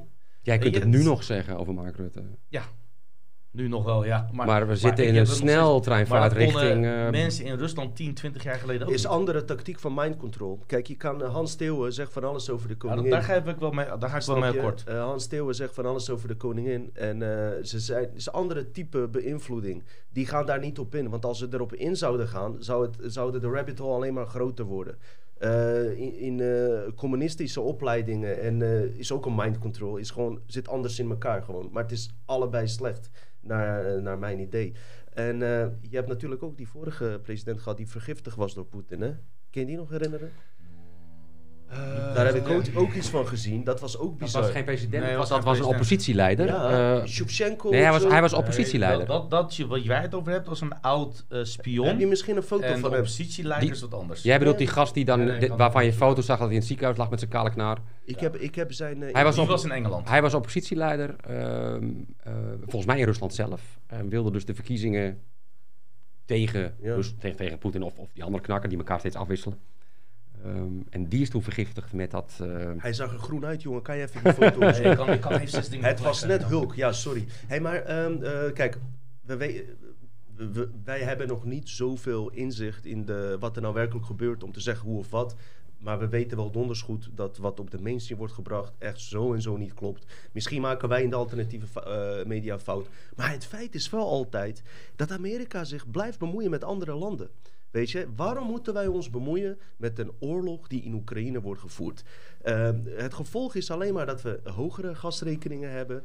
Allemaal gedoe eh, met dat COVID-gedoe en alles. Waar ik mee vooral zit, is dat ik niet het gevoel heb dat ik mee mag stemmen in die beslissingen. mag je ook niet. Eh, waarom wordt er geen referendum gehouden, een eerlijk referendum van willen we oorlog met Rusland of niet? Hallo, wij hebben het, is toch democratie? Waarom denk je dat het referendum afgeschaft is? Ja, dat was ook 2014 toen met die Hey, Europese... Gekker nog, denk jij dat als, als het echt zo zou zijn dat wij, het volk, in het stemhokje zouden bepalen wie het voor het zeggen ha- had in dit land, dan waren er geen verkiezingen. Ik geloof niet dat het erom gaat op wie je stemt. Het gaat erom wie de stemmen telt. Mhm. Je- Ik, ik, ben, ik, ben, ik heb, dat is wel leuk. Ik heb gisteren eh, een, een goede vriend van mij aan de telefoon gehad. En dan waren we een beetje hardop aan het eh, filosoferen, brainwaven over... eh, kunnen we een truc bedenken om met de aanstaande provinciale verkiezingen... die zijn in maart volgens mij van volgend jaar... kunnen we iets verzinnen om onweerlegbaar te kunnen aantonen... dat een bepaalde partij, neem even Forum, een x-aantal stemmen heeft gehad. En we hebben een, een systeempje bedacht... Mhm. Dat gaan we uitwerken tot het eind van dit jaar. Waarmee je ehm, door één cent over te maken op een specifiek bankrekeningnummer. Laten we zeggen, elke partij krijgt een eigen, eh, krijgt een eigen bankrekeningnummer. Dat die behe- beheren wij. Mhm. Maar dus als jij voor PvdA gestemd hebt, dan maak je één cent over naar rekening X. Ja, En als je op Forum gestemd hebt, maak je één cent over naar rekening Y. oké. Dan hoeven wij alleen maar het aantal centen te tellen aan het eind van de dag om te weten hoe de verhoudingen liggen. Maar Ja, maar dat is geen eerlijk, dat is Nee. geen eerlijk eh, ding, man. Want jouw kijkers gaan op FVD eh automatisch. Oké, dat is gelukkig dat je dat zegt, want dat realiseerden wij ons je? ook. En toen zeiden we, stel dat we, dat, moet je doen. stel dat we, dat we 90% van de achterban van Forum kunnen motiveren om die cent over te maken. En daarmee aantonen dat ze op Forum gestemd hebben. Mhm. Wat gebeurt er nou als wij bij wijze van spreken... Ja, dat zou wel leuk zijn voor mijn bankrekening ook... maar dat, dat, dat, we 1 miljoen centen Ja. overgeschreven krijgen... maar volgens de uitslag hebben er 300.000 Ik snap het, mensen... maar, nee, maar dan kan je ook weer manipuleren. Want wie, wacht even, twee seconden. Wie, wie zegt nou dat er geen eh, extra bankrekening wordt? Want in de IT-wereld, eh eerst met die lente-revolutie was dat Israël had een bepaalde technologie die gelijk verschillende Facebook-pagina's maakte, Mhm. mensen die niet bestonden en in die lente gooiden. Maar wie zegt dat ze dat niet kunnen doen voor die bankrekening? Dat ze in één keer heel veel eh, extra centen erop zetten. Terwijl het allemaal fictieve mensen zijn, allemaal NPC's. Precies. Maar dan werken, dan, dan werken ze alleen met zichzelf tegen. Want als wij het alleen maar voor de achterban van Forum doen. Ja, maar als jij zegt ze doen het voor de forum, dan kunnen ze het ook doen voor de anderen. Nee, maar Dus je- stel dat, dat we alleen maar één bankrekening hebben. En we zeggen, en we zeggen, dan kom je en we uit. zeggen alleen maar, we willen in ieder geval aantonen dat het aantal mensen wat op Forum gestemd heeft. En, en dat aantoont door die cent over te maken. Dat dat wellicht, wellicht, ik weet niet of het waar is. Drie keer hoger is is- dan het aantal stemmen. Ja. En het punt is dat mensen moet ook gecontroleerd worden dat jij degene bent. Daarom heb je een stemcommissie, je gaat er naartoe, daar wordt je idee gecontroleerd Ja. en dan kan je gaan En stemmen. dan hoop je dat het allemaal zo gaat. Maar we hebben toch Maurice de Hond, die is toch ook bij Welsmis geweest. Hij komt bij Blackbox. Hij is toch die eh, hele professionele pijler. Ja, ja, ja. Wat Hij, is zijn idee hij, zit erop. Maar wat is zijn idee? Wijkt het heel vaak af met zijn peilingen? dan? Nou, zijn idee, als ik, dan weet ik, niet, ik weet niet hoe hij, wat hij denkt over verkiezingen of over stemmen. Of wat, maar wat hij wel een- heeft eh, ge- gezegd, en daar kon ik meteen bij aansluiten. Hij zei, wij moeten af van een meerderheidskabinet. In feite, op het moment dat je verkiezingen hebt gehad... en er wordt in achterkamertjes wordt een coalitie gesmeed... wat een meerderheid is, dan heb je dus een dictatuur. Vier jaar lang kunnen die gasten doen en laten wat ze willen. Voor de vorm gaan ze een beetje debatjes voeren met de Kamer. En dan schaven ze een keer links een dingetje eraf en rechts. Hè. Dan, heeft de, de- dan heeft de Kamer weer een beetje zijn zin gekregen. Maar onderaan de streep doen ze gewoon dat wat ze dichtgetikt hebben in die coalitieakkoorden. Mhm. Dat systeem klopt van geen kanten. Wat Maurice de Hond zegt, en ik dacht, dat moeten we morgen invoeren, is een zakenkabinet. Dus je zet op elke portefeuille zet je iemand met verstand van zaken. Dus je zet niet een kaag op buitenlandse zaken of een. eh, die mensen hebben. Nou, ze hebben echt geen van allen hebben ze ook maar iets aan achtergrond op de portefeuille waarop ze Dat is zitten. ook vreemd, ja. Dat is Bizar. heel vreemd. Heel bizar. Dan moet je eens proberen als je gaat solliciteren. Ja. Met je cv aankomen. Hè? En met mijn Nederlands. Met- ja, dat, dat zal niet aan liggen. Maar dan kom ik aan met mijn 5 HAVO. Ja. En dan wil ik eh, CEO worden van Philips. ja, voor jou sowieso klaar nu. Ja. nee, maar dat is één. Dus je, dus je een zakenkabinet. Met mensen die verstand hebben van de portefeuille waar ze op zitten. En dat is een minderheidskabinet. Ja. Die moeten de meerderheid halen in de Kamer. Dus hun ideeën moeten zo goed zijn, Mhm. moeten zo logisch zijn, dat ze genoeg stemmen uit de Kamer krijgen om tot een meerderheid te komen. Ja. Waarom hebben we dat niet? Maar weet je waar ik ook mee zit? Ik heb het een paar keer aangehaald, de laatste paar afleveringen. En ik wil het met linken met iets wat ik eergisteren heb gezien bij Iconic TV. Kijk je dat Ja? wel eens? Nee, ik kijk, nee ik, ik kijk heel ik weinig. kijk het maar- eigenlijk ook niet, maar het kwam op YouTube. Eh, David Dijk wordt natuurlijk Ik van... ben lang dat jij YouTube zegt in plaats van YouTube. Bedankt, hè. hey, proost, man. Eindelijk iemand die het wel goed uitspreekt. Dit, dit was even goed maken. Proost jij nog mee of heb jij helemaal Ik niks proost meer? mee. Fanta. Fanta. Dames en heren, eh, Erik van der Horst is aanwezig. Het is gezellig. We hebben net lekkere vis gegeten. Mm. Erik was blij met, eh, met de ontvangst. En eh, wie weet kunnen we met, misschien eh, volgende keer eh, ook reclame voor hun maken. Ik heb nu voor 50 bedrijven reclame gemaakt, maar maakt niet uit. Ik, oh, hey, mag ik nog even op terugkomen trouwens? Want wij zijn net met een noodgang over dat Goodbye Big Tech gegaan. En, Ja. en ik, ik, moet, ik moet vooropstellen, ja, Goodbye Big Tech is het platform waarmee ik nu de Keuringsdienst van Waarheid financier. Dus de, de aankopen en de tijd die ik kan steken in de Keuringsdienst, haal ik uit de verkopen van Goodbye Big Tech. Mhm. Er zit wel een donatieknop ergens helemaal onderaan in de website Als van... mensen dat willen, natuurlijk. Nee, maar er zit in de Keuringsdienst wel een donatieknop verstopt. Maar, maar ik heb nog nooit gezegd... Oh, vind je deze video leuk? Eh, sponsor dan. Weet je, ik, ik- Oh ja, die ken ik, ja. Proactief, ja. Ja. Vind je hem vet? Proactief doe ik er niks mee. ja. Maar ik heb dus een soort, soort win-win situatie gecreëerd. Waarbij mensen dus zich losweken van Big Tech. Mhm. En daarmee mijn content ook nog Maar wat is daar mis maken. mee? Ik, ik, ik- jij hoeft je ook niet zo daarover te trippen, vind ik. maar ik had- ik had- ik had- ik had iets er meegenomen. geld voor en klaar. Ik had iets meegenomen. Wat had je meegenomen? nou, dat wilde ik laten zien. Want ik, had, ik, ik had dus een, ik had een cadeautje meegenomen voor, zien. voor jullie kijkers. Ja. Nee, serieus, Oh, nou, we drijven de cam op naar ons en dan kan jij alles pakken wat je wilt. Als maar geen lady shave is met bluetooth. Met Bluetooth ook nog. Ja. Nee, eh, ik, ik, ik heb een paar weken geleden bij Peter gezeten. Ja. Poppenkast. Peter. Oh ja, daar moet ik ook nog reclame voor maken.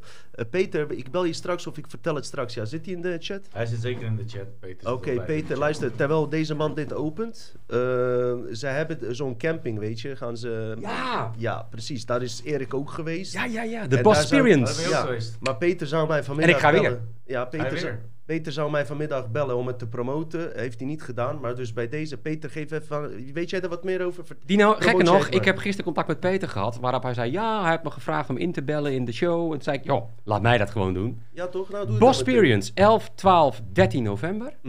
Ehm, villa in het bos. Kampvuur. eh, eh, eh, live podcasts worden daar eh, eh, eh, gemaakt en opgenomen. Ja. Muziek maken, lekker eten met elkaar, gezellig samen zijn. Ik, ik heb gezien bij de vorige Boss Experience dat er ook wat genotsmiddelen hier en daar. Ja. Moet je zelf condooms meenemen? ehm, Heb ik niet gedaan, maar Er werd niet gelukt, zei je, dus ik geloof Hij, het niet. hij gelooft niet in virussen, hè? daarom. Hè? Nee joh, hey, dus bij deze Peter, lieve Peter, eh, eh, kan je daar nog wat aan toevoegen? Ik moet alleen even, ik, ik moet je even schuldig blijven wat, wat de URL van de poppenkast eh, is. Ja, Poppenkast. die, die voeg ik wel toe. Dat komt Doe jij dat? komt Eh, Want daar kun je ook kaarten kopen. Wat Peter gedaan heeft, Ja. vind ik heel eh, sympathiek. Ehm, hij heeft het prijsniveau van de kaartjes. Heeft hij een soort van, Aangepast. van, van eh, eh, kies zelf maar gedaan. Ik snap hem. Dus je koopt een kaartje, altijd voor het hele weekend. Dus je mag vrijdag komen, zondag gaan. Je mag ook vrijdagavond, zaterdag komen of zondag komen en vrijdag gaan. Als dat, dat kan niet meer. Ehm, maar je betaalt altijd één prijs voor het hele weekend. Maar je mag zelf 35 euro standaard ja, maar er zijn dus, dus drie, drie, prijsranges. Dus Voor mij is het 35, 50, 75 of zo. Mhm. Je mag zelf weten welke je doet. Je hebt altijd hetzelfde. Ja, Dus wat, eh, wat voor ons niet duidelijk was, ik had toevallig met Simon erover. Wat krijg je ervoor? Je gaat er drie, is voor drie dagen, kreeg je, je moet zelf een tent meenemen, daar overnachten hoeft niet. Er zijn slaapzalen waar je eh, kan Dat zit allemaal in de prijs. Ja. Kijk, dat maakt het wat duidelijk. Peter, je moet duidelijk omschrijven wat je aanbiedt, man. Want ik dacht dat het gewoon even voor mensen in het publiek 75 euro.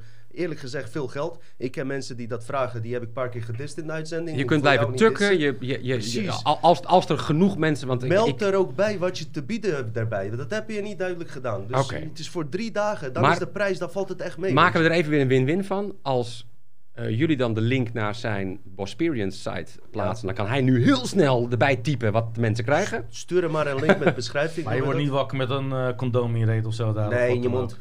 Ik, ik niet, maar ik, ik, ik was ook eh, broodnuchter eh, Nee, nee. als een van de weinigen. Nee, er zijn topmensen. Mickey van Leeuwen kwam, eh, Ja. zag daar. En Hart voor Humor komt. Van alles komen komt. zondag. Van alles komt. Dus mensen, De Haan is er volgens mij weer bij. geweldig. Volgende keer als, als ik de mogelijkheid heb met die jongens ook te Peter komen. Tonen. komen langs. Gaat komen. Peter Tonen. Oh, dat is een interessante.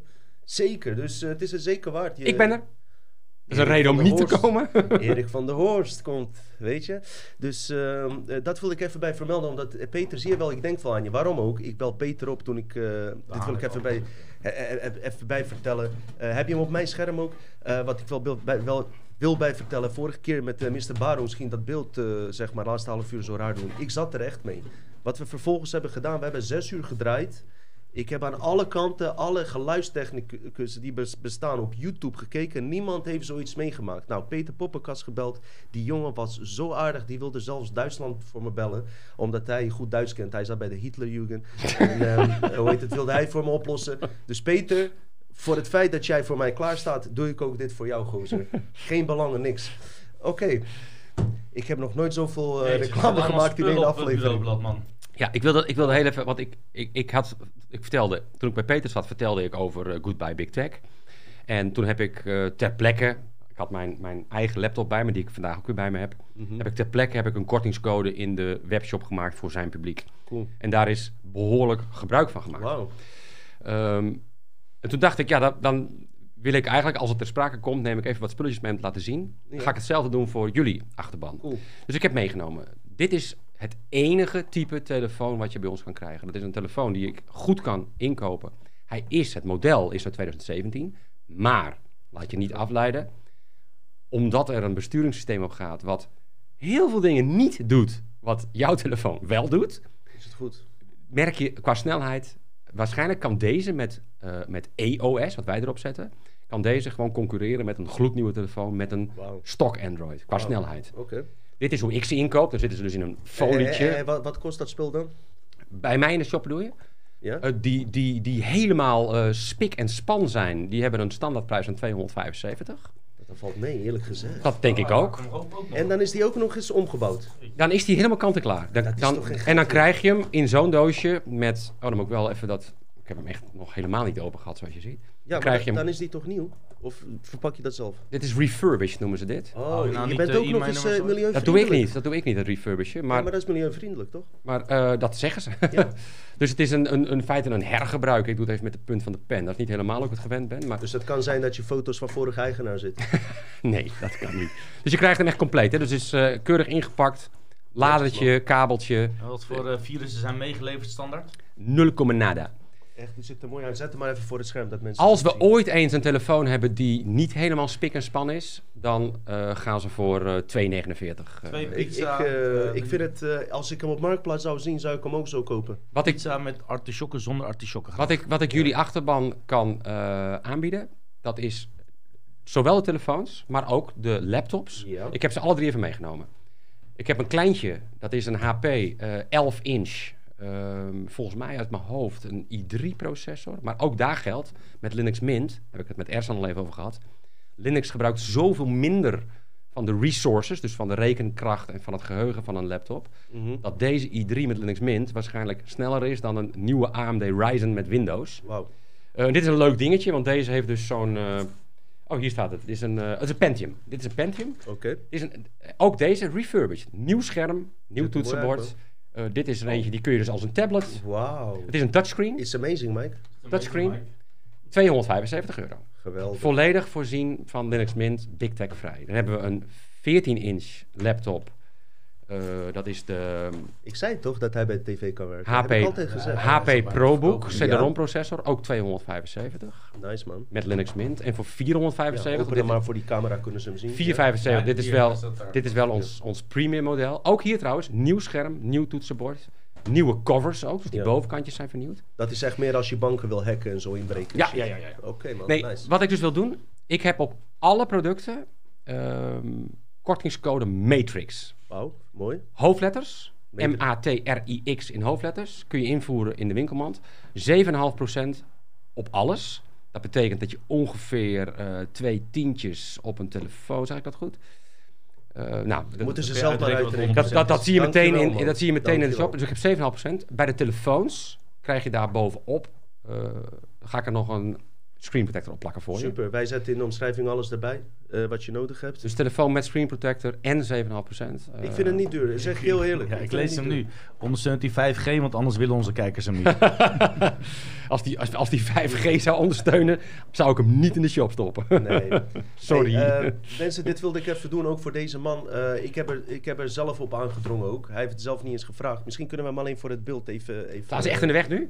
Nou, voor, voor die beeld daar een beetje, weet Zo je. doen? Nee, nee, kijk, kijk. Daar, daar is nog een camera, weet je. Ja, ja. Oh nee, maar ik dacht juist uit beeld halen. Oh, ik wou, oh ja, in beeld. Deze is amazing, Mike. It's amazing. Nee, ik zit je te pesten. Maar eh, Ja, mensen lachen ook. nogmaals, ik, nogmaals, ja, dit is, dit is hoe ik de Keuringsdienst financier. Maar, Ja. maar het allermooiste vind ik, en dat, met, uit, uit de grond van mijn hart, met droge ogen, ik denk dat ik 100% klanttevredenheid heb. Dat geloof ik. Ehm, er zit ook een ehm support systeem achter. Dus als je een keer wat hebt, dan ga je naar support.goodbyebigtech.nl. En dan kun je een ticket aanmaken. En dan krijg je... Kom niet op TeamViewer uit of zo. Dat, dat kan, alleen dan niet met TeamViewer. Want ook daar is een open source variant voor. Maar Ja. wij helpen je of met, eh, met een eh, online tool. Of we gaan je bellen. Of je mag... Ik heb zelfs mensen bij mij thuis gehad. Oké. Met een laptop. Oké, mensen, weet je. Eh, we hebben nog 25 minuten. Waarom zijn Zo we lang? aan tijd gebonden? Omdat Ersa natuurlijk straks weg moet. Ik kan straks met Erik verder praten. Ja, ja, ga is toch ook door. zo? Ja, praat, ja. Maar eh, laten we even die laatste 25 minuten nog even een paar dingen erin luiden. Wat vinden jullie daarvan? Ja, En mijn volgende... eh, ja, hier wilde ik het even over hebben. mijn groentetuin. Nou, we hadden, kunnen we het ook zo over hebben. Maar we hadden het net, net vooral over eh, de politiek en zo. En Ja. eh, de, de, de grote vraag bij mij altijd is... waarom zitten in politiek zowel links en rechts mensen... die eigenlijk eh, veel te ver alsnog afstaan van de gewone man, zeg maar. Even een voorbeeld, Baudet, allemaal goed en wel en alles. Maar toch is zijn achtergrond anders dan van een gemiddelde bouwvakker die op hem stemt. Mhm. Snap je? Met alle respect, hè, kan niemand wat aan doen. Niet, niet één of de ander is beter. Maar nou, nou laat ik even die hele Baudet weg. Gewoon mensen die politiek ingaan. Dus wat zag ik? Eh, deze kan je doorheen doen, foto 4. je hebt bij Iconic TV heb je een hele interessante jongen. Ehm, heb je die foto doorheen eh, geplakt? Daar staat Oh, foto welke man? 4, foto 4. Komt goed, kom nu.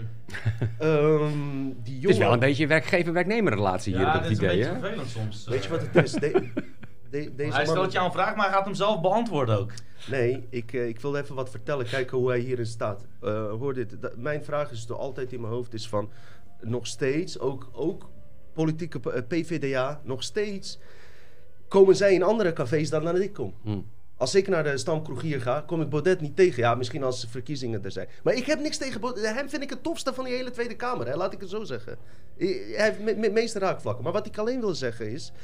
Deze jongen, misschien heeft Ersa nu die foto geëdit. Iconic TV mag niet op YouTube komen, maar wordt wel via een andere zender, UM, Human TV, wordt het uitgezonden. Hadden ze het over hersenen en dat bepaalde delen van hersenen en hun werkingen. En ze hadden het vooral dan over de reptiele brein. Je hebt een bepaald hers, eh, Mhm. eh, gedeelte in je hersenen, dat is je menselijke brein, oermenselijke brein. Maar je hebt ook een gedeelte, dat is je reptiele brein. En wij hebben het wel eens over die argontische krachten gehad, eh, waar David Dijk het ook Ja, ja. over heeft en alles, de invloeden daarop. Het is een heel diep verhaal, maar die argontische krachten, die breken in jouw gedachten in via je reptiele brein. En daarom is alles gericht ook op het reptiele brein, vanaf kleins af aan. Ja. En dat hoeven niet allemaal negatieve dingen zijn, kunnen ook mooie dingen, lijkende dingen zijn. Nog steeds is het reptiele brein. En die jongen, wat hij vertelde, vond ik zo inspirerend. Hij zegt, eh, hoor dit. Men, eh, mensen die eh, in de eh, gedeelte van de hersenen, wat, wat, wat het mens zijn, eh, jouw mens zijn maakt, mensen die daar ver in ontwikkeld zijn, die willen niet de politiek in. En mensen die juist niet via reptiele brein werken, eh, die zijn meer voor, eh, worden meer door macht misleid, prestatiegericht, ehm, eh, ehm, eh, reputatie, noem maar op, weet je wel. En de conclusie was ook van hem van, ja, eigenlijk is het zo dat degene die de regels beslissen, eigenlijk helemaal niet genoeg ontwikkeld zijn. Tik in het- stoel. Nee, dat ligt aan die stoel. Dat, dat ze helemaal niet eh, ver genoeg ontwikkeld zijn in hun hersenen bij dat menselijke gedeelte, maar eigenlijk vanaf dat reptiele brein handelen, waardoor zij ook zelf niet eens datgene kunnen bedenken wat wij graag zouden willen hebben. Hm. En nou is de volgende vraag die ik jou stel, omdat je het net had ook in de alternatieve media. Herken jij ook in de alternatieve media mensen die toch onbewust via dat reptiele brein werken? Ook al noemen ze zichzelf ontwaakt. Dat ze toch kijken naar de cijfers. Dat ze toch eh, meer slijmen bij BN'ers om, in- om hun in de show te laten komen terwijl ze geen reet te zeggen hebben. Maar Dutch Matrix en Dino aan de kant lieten toen we net begonnen. Ja, nou hoeft het niet meer hoor. Nou staan we hier met Erik van der Horst. Fuck you. Nee. Snap je wat ik bedoel? Ja, ik denk het wel. Ehm, ik weet, maar maar j- j- jouw vraag, eh, in jouw vraag ga je ervan uit dat ik dat wat jij vertelt over hoe dat bij politici werkt, dat ik dat, ik dat beaam. Ja. Ja, het, het is meer zo dat ik, eh, dat, dat ik aan jou vraag: herken jij eh, datgene wat ik zeg? Ja. En waar ik eigenlijk heen wil, is dat wij alle, ik heb er ook last van, misschien wat meer in de spiegel moeten kijken. En niet telkens over anderen vertellen dat, ze, dat, dat het psychopaten zijn. Dat we allemaal dat soort trekjes Oké, hebben. oké. even- Dus dan, dan, begin ik heel even over de politiek. Als je het hebt over de mensen in de, in de politiek gaan. Mhm. Ehm, helemaal aan het begin van ons gesprek hadden we het al heel even over dat ik eh, de glijdende schaal had gezien in de politiek, maar, maar ik niet zo goed snapte hoe dat nou kwam. Inmiddels, ja, en, en, en- ik, ik hoop dat ik ernaast zit, maar in- inmiddels ben ik erachter dat van de 150 stoeltjes in de Tweede Kamer, dat daar toch, eh, toch zeker 140, misschien wel 145 stoeltjes bezet zijn door poppetjes die daar geplaatst zijn. Het zijn geen mensen die ervoor gekozen hebben van, oh, ik ga eens lekker de politiek in. Nee, het zijn poppetjes. Die, die zitten daar met een functie. Dat is stemvee. En dat, dat, dat zal waarschijnlijk wel een heel bijzonder slag volk zijn. Ja, dat zijn niet de jongens zoals jij of ik. Mhm. Eh, hoewel wij, wij al best wel een hele andere achtergrond hebben, Tuurlijk. zijn wij niet eh, klaargestoomd om op een van die plusje stoeltjes te gaan zitten en precies de goede knopjes in te drukken op het moment dat er eh, hoofdelijk gestemd moet worden. Ja. Dus ik zie niet zozeer een vergelijking tussen politiek en alternatieve media. Dat is eigenlijk waarom ik. Ik snap wat je bedoelt. Ik denk dat de politiek zo in en in doordrongen is van corruptie van bovenaf, dat daar helemaal geen sprake is van eh, volksvertegenwoordiging. Er is wel sprake van WEF-vertegenwoordiging, En dat houdt in? Maar, World Economic Forum. Oh ja, tuurlijk. Was maar ik vergeten. wat, wat vind je dan van bijvoorbeeld als je het hebt over een volkspersoon van Jesse Klaver? Jesse Klaver is, is, is in mijn ogen het, het, een van Jesse Klaver, Paternotte, ehm, Nou, we, hebben- we hebben het over een, een persoon van, dus niet iemand die een hele hoge opleiding heeft ach- achter de rug. Eentje eh, van het volk, eentje die, ik heb verhalen gehoord dat hij met zijn opa ging demonstreren vroeger eh, en dergelijke. Dus dat is wel echt ook iemand van het volk. Ja, maar weer meer dat hippie movement, joh. Nou ja, Ja, hippie movement ik- of niet. Eh, als we het hebben over Baudet, dan is het, kan het wel iemand van het volk zijn. Als we het over hebben, je slaaf het is in één keer niet. Ik, Ik heb gezegd dat ze allemaal niet van het volk zijn. Ik, ik, dat, exact dat denk ik ook. Ze, ik, ik geloof wel dat ze allemaal een hele mooie rol spelen en gespeeld hebben. Dus hun, eh, kijk, dit. Ik heb geen enkele illusie meer dat er iemand in die kamer. Ja, nou ja, oké. ik, ik, ik ken toevallig de jongens van Forum inmiddels vrij goed. Ik heb ze meerdere keren in de, in, in de eh, studio gehad. Dat zijn eh, Pepijn, Gideon, Thierry. ehm, en ook Ralf. Die, Je hebt ze ook geïnterviewd een paar keer, toch? ja, en ook, Ja. en ook buiten. We hapjes wezen eten. Ik, ik, ik heb de, de, de eer gehad, en zo heb ik het ook echt ervaren. De eer gehad dat Mhm. ik werd uitgenodigd op de bruiloft van Thierry Wauw. ehm, en Davide. Davide. Kan ik je dan Hans schudden? Nee, hoor. ik heb je niet gezien, maar... Kl- Klinkt als een Joodse naam, eh, dat zou zomaar kunnen, ja. Daar moet hij zich mee verdedigen als een antisemiet. Dat, dat, is ook redelijk, dat is ook regelmatig gebeurd. Dat is ook de reden dat hij met de gaat. Nee, maar het is ook regelmatig gebeurd. Want, Serieus, want, dat, want dat is ook zijn argument geweest van... wat, wat lul je nou over Precies. antisemitisme? Ik Ja. heb een Joodse, Joodse vriendin. vrouw, ja. En nu inmiddels vrouw, ja. Ze zijn Oh. eh, anderhalf week geleden vader geworden. Oh, vader en moeder geworden van... Eh, eh, Baudet, ik ken je niet, maar gefeliciteerd. Lancelot. Ja, ik hoorde dat er allemaal vage opmerkingen over zijn Maar- maar, Dat is zo ranzig. Wat die Maar ik heb, die, ik heb die mensen leren kennen. Ehm, zo heel af en toe kom, kom ik er nog eens eentje tegen. ehm, ehm, van, van, van, van, van, van dat clubje. Ehm, ik kan... Ik, denk dat mijn intuïtie en mijn, en mijn onderbuikgevoel redelijk functioneren. En ik kan niets bij die mensen bespeuren waarvan ik denk... Oeh, foute boel. Het zijn Mhm. zulke lieve, integere, pure mensen. En dan heb ik het even nu over Thierry, Pepijn, Gideon, Ralf. Dat zijn de vier die ik heb. Schatten van mensen. Ook qua sociale omvang, dat je Tot- gewoon eh, relaxed zo erbij zit zoals wij zitten en zo. Zelfde volkomen. vibe. Ja. volkomen. Dat is belangrijk wat je Maar- voelt ook, hè? Is dat dan vanuit jouw eigen perspectief? Dat je zoiets hebt van wij delen dezelfde mening, dus daarom kan ik dat? Of kijk je het wat breder? Ik, ben, ik ben geen politieke jongen, Ersan. Ik, ik, Nee, nee, maar het is, ik, ik ben, als jij tegen mij zegt, van, het, mijn taak is hier ook om te, Dino te helpen om jou te interviewen. ja. En om eh, niet een subjectief eh, bericht uit te sturen. Dus, Kijk, ik ben geen politieke jongen in, in de zin van dat ik... ik, ik ja, ik, ik, heb, natuurlijk, ik heb wel zo mijn, mijn ideeën over wat goed en wat minder goed voor dit land was en, en is. Ehm, dat de afgelopen paar jaar ben ik wel, eh, ben ik wel een één-partijjongen geworden. Omdat ik zie dat gewoon eh, van alle partijen is er nog maar één die een zinnig geluid Ja. laat horen. De rest zijn gewoon echt totale debielen, Dat is lijkt het wel. Maar het- dat is ook zoiets. Mensen die denken dat onze, onze regering of, of, of eh, ehm, ehm, oppositiepartijen, dat die, dat die het niet snappen, of dat die, dat die dom zijn, of dat die eh, de verkeerde keuzes maken. Weet je, als je dat denkt, ben je echt naïef. Ik vond jou scherp. Jij had Baudet geïnterviewd en je, je, jullie lulden niet echt met hem mee. Je st- stelde hem ook best wel een paar eh, kritische vragen. Met van als je de politiek niet vertrouwt, vroeg jij waarom zit je er dan in? Ja. En het antwoord wat hij gaf was heel goed. Hij zegt, ik heb heus wel ook door. Want jij met het idee van het helpt, wat heeft het voor zin? Ja. Weet je wel? En de antwoorden wat hij gaf, die vond ik best wel goed. Toen ben ik ook echt wat positiever ook tegen hem gaan kijken. Hij zei van, ik wil gewoon de mensen laten zien in wat voor poppenkasten Exact. zitten. Exact. Ik ben me van donders goed bewust dat het geen zin heeft. Maar iemand toch, moet toch even de doorgang geven en Precies. laten zien in wat voor bullshit we hier Ja. zitten. En dat vond ik een goed antwoord. En zeker met zijn meest recente optredens. Hij heeft eh, afgelopen week bij Steve Bannon eh, in de uitzending gezeten. Ik weet niet of je Steve Bannon Nee, kent nee. van Real America's Voice. Steve Bannon was, was jaren terug was die campagneleider van, eh, van Donald Trump. Dus dan, dan kun je al denken, hm, zit daar nou niet een dubbele agenda in? Maar, het gaat om het idee. maar Steve Bannon heeft dagelijks, twee keer per dag, heeft hij een, een online show, Real America's Voice. Dat heet dan, dat is dat kanaal, Real America's Voice. En zijn programma heet eh, War Room Pandemic. Mhm. Ehm, en ik volg dat niet dagelijks, maar, maar met, met regelmaat sinds begin 2020. Hij heeft dezelfde ehm, fases doorgaan als ik destijds. Hij was in het begin ook van, oh jee, heel eng virus. En inmiddels zitten ze op het, eh, eh, het verhaal van, ja, weet je wel, we worden gewoon totaal Ja. worden gek gehouden. En dat is één. Dan ehm, heeft eh, Thierry dat boek geschreven, eh, het coronabedrog, wat inmiddels ook in het Engels is uitgebracht. Ehm, Dus ik kan hem op geen enkele manier betrappen. En dat geldt ook voor zijn eh, ehm, medeleden in de Tweede Kamer. op, op, op poppenkast, Ik snap je. op spelen.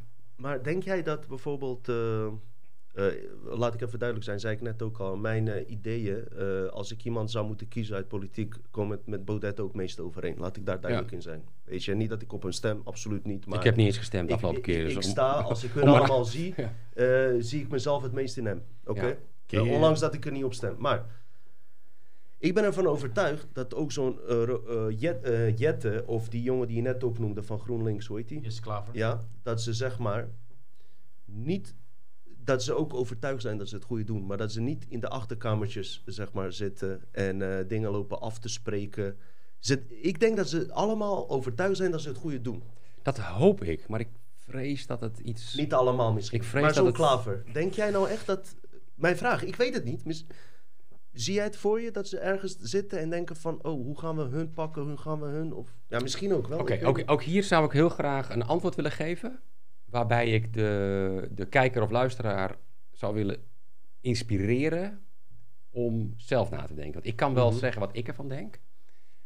Wat ik, er- wat ik erover kan zeggen is dit. Ik weet dat er op de, de plekken waar het meeste macht uitgeoefend wordt, waar de meeste machtige mensen zitten, dat er systemen zijn waarmee, ik moet, ik, moet, ik moet mijn woorden heel zorgvuldig wegen hoor. Mhm. Er zijn systemen waarmee machtige mensen chantabel gemaakt worden.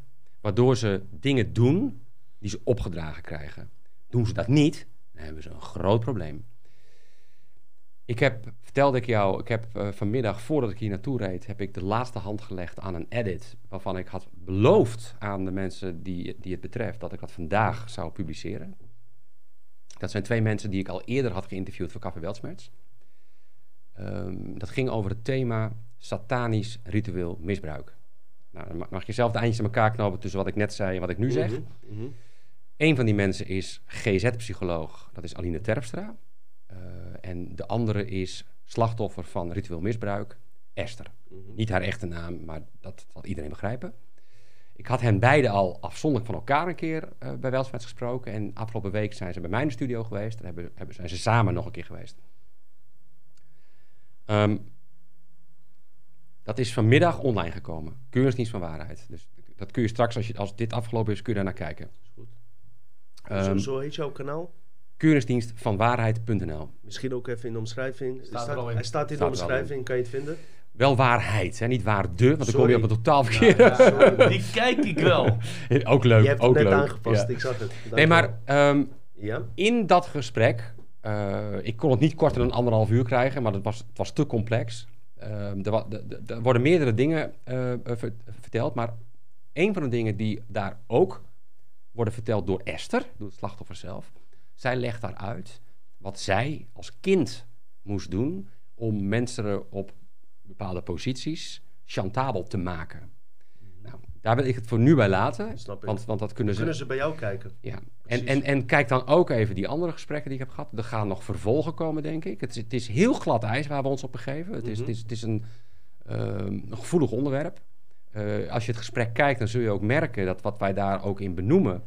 ehm, ik ben degene die op een gegeven moment zegt, op eigen titel, dat het erop lijkt dat er binnen justitie, de politiek, de rechterlijke macht, politie en media, dat er allerlei systemen in elkaar grijpen die er koste wat kost voor zorgen dat slachtoffers van dit misbruik ongeloofwaardig worden gemaakt.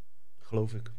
Ehm, Dat geloof ik ook. er, is, er is zelfs een speciaal politieteam in het leven geroepen, het LEBZ, Landelijke Eenheid eh, Bijzondere Zedenzaken. Zodra er aangifte wordt gedaan bij politie van dit soort misbruik, dan gebeuren er twee dingen. In eerste instantie wordt het slachtoffer naar huis gestuurd met 14 dagen bedenktijd. Je kunt niet aangifte doen van. Direct. Kan niet. Je moet 14 dagen bedenktijd hebben. In die 14 dagen Vergeet je veel. nou, ja, gekker nog, in die 14 dagen word je van alle kanten benaderd om af te zien van aangifte doen. Er is niet genoeg bewijs, voorkomen ze mee. Weet je het wel zeker? Want als jij niet zeker weet dat jouw verhaal 100% de waarheid is, dan kun je de gevangenis ingaan. Mm. Dus, dus da- da- daar begint het spelletje. vreemd, hè? Zodra er ritueel misbruik bij komt kijken bij de aangifte, dan moet de aangifte naar het LEBZ gestuurd worden. Als je dan gaat kijken wat de kerntaak is van het LEBZ, zo staat het letterlijk omschreven, dan is dat niet het arresteren en opsporen van de daders. De kerntaak van het LEBZ is omschreven als het voorkomen van valse aangiftes van misbruik. Dus het is. Dus wat, wat dit politieteam doet, is met alle geweld voorkomen dat er mensen van een verdenking of, of, of een aangifte eh, worden voorzien. Wat we ook in dat gesprek eh, benoemen, is dat het LABZ in alle jaren dat di- dit onderdeel bestaat, heeft geleid tot nul opgeloste zaken. Ja, daar wil ik ook even tussendoor heen. Misschien koppelt dit zich hier aan. Erzan kan dit herinneren. Een Mensen mogen zelf de connectie maken Ja. tussen wat ik nu vertel Ja, ja, en jouw vragen over politiek. Nee, maar precies. Maar ook wat ik anderhalf jaar geleden bij een van onze live, eerste live-uitzendingen vertelde. Ik nam toen even een paar politieke punten door, doen we bijna nooit. En toen stond er van, eh, de politiek gaat satanisch ritueel misbruik onderzoeken. Ja. Ja. Daar wil ik even heen. Commissie Hendricks. Het eerste wat ik toen heb gezegd, ik vind het vreemd dat eh, de personen die daarvoor aangesteld zijn, de interne commissie is. Ja, en niet een externe commissie Ja. eh, die dat gaat doen. Ja. Mijn vraag is aan jou, hoe is dat geëindigd? Ik weet, ik heb geen resultaat Het is niet geëindigd. Het, het loopt Het nog. loopt nog. Ehm, destijds, en eh, Gideon van Meijeren heeft daar ook in de Kamer vragen over gesteld. Want, wat gebeurde er? Je moet even weten dat als je, als je kijkt naar ehm, verhalen van slachtoffers van sadistisch of satanisch ritueel misbruik, dan worden daar niet zelden hooggeplaatste ambtenaren van het ministerie van Justitie als mogelijke daders genoemd. Dus dit moet je echt even opslaan, hè? Kan je dat nog een keer zeggen? Slachtoffers noemen niet zelden hooggeplaatste ambtenaren van het ministerie van Justitie als daders van ritueel misbruik. Wie werd er vervolgens belast met het uitvoeren van, hè, er moet een onafhankelijk onderzoek komen? Het ministerie van Justitie. Dus het ministerie van Justitie ging vervolgens een commissie benoemen die dat onderzoek mocht gaan leiden. En dat werd de commissie Hendricks. Meneer Hendricks, de voorzitter van de commissie, heeft zelf een nogal twijfelachtige reputatie. Hij is namelijk degene geweest die heeft voorgesteld om bestaand kinderpornomateriaal te anonimiseren en dat beschikbaar te stellen aan pedofielen, zodat ze ja, min of meer gepleased werden in hun behoeften. En Zodat ze geen echte kinderen zouden Exact. Maar de, dus moet je even nagaan hè, hoe debiel dit is. Dus Heel wat, debiel. wat hij zegt is, ja, dan moet je misschien maar het kindje onherkenbaar maken. Zo, dat is ziek. Maar Dat- dat, is een dat- stap naar eh, fysiek. Dat is ziek.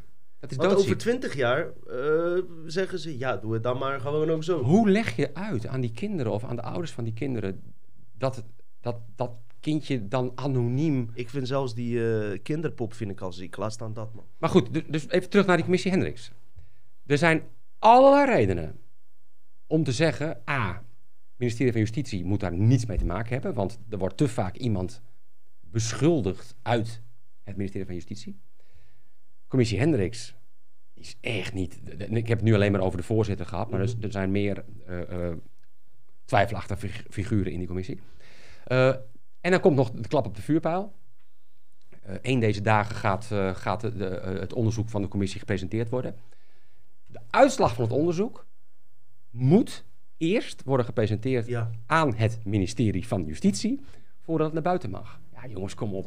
Hoeveel alarmbellen wil je hebben voordat je snapt dat dit geen onafhankelijk onderzoek is? Hey, hier moet je gewoon een keer voor terugkomen. Hier wil ik gewoon een keer een eh, aflevering over maken. En dan, Ja. Helemaal goed, maar dan neem, we ik, dan neem ik Aline mee. Wauw. Nee, alsjeblieft bij wel, maar dan wil ik er ook Kijkers bij willen zijn. dat zeker. Willen En jullie dat mensen ben laten even de om comments hem wat achter. rustig kalm te houden en dan pak ik het Ja. weer pedagogisch. Ik zit echt zonder. Ik zit, ik zit helemaal hier weer met, Ja, met ik mijn ik- overeind. Ik, vind dit zonde dat dit nu, Nu pas nu, terecht. nu pas terecht Ja. komt. En Maar ik, eh, dit is dus waar ik de afgelopen dagen dit- dit- fulltime mee we bezig ben.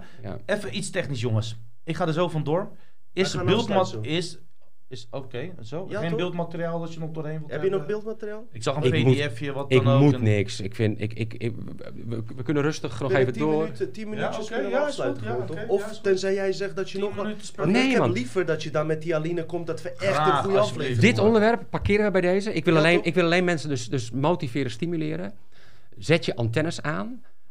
Gooi al je vooroordelen overboord. Neem zelf waar. Alles Ja. wat je weet, vergeet het.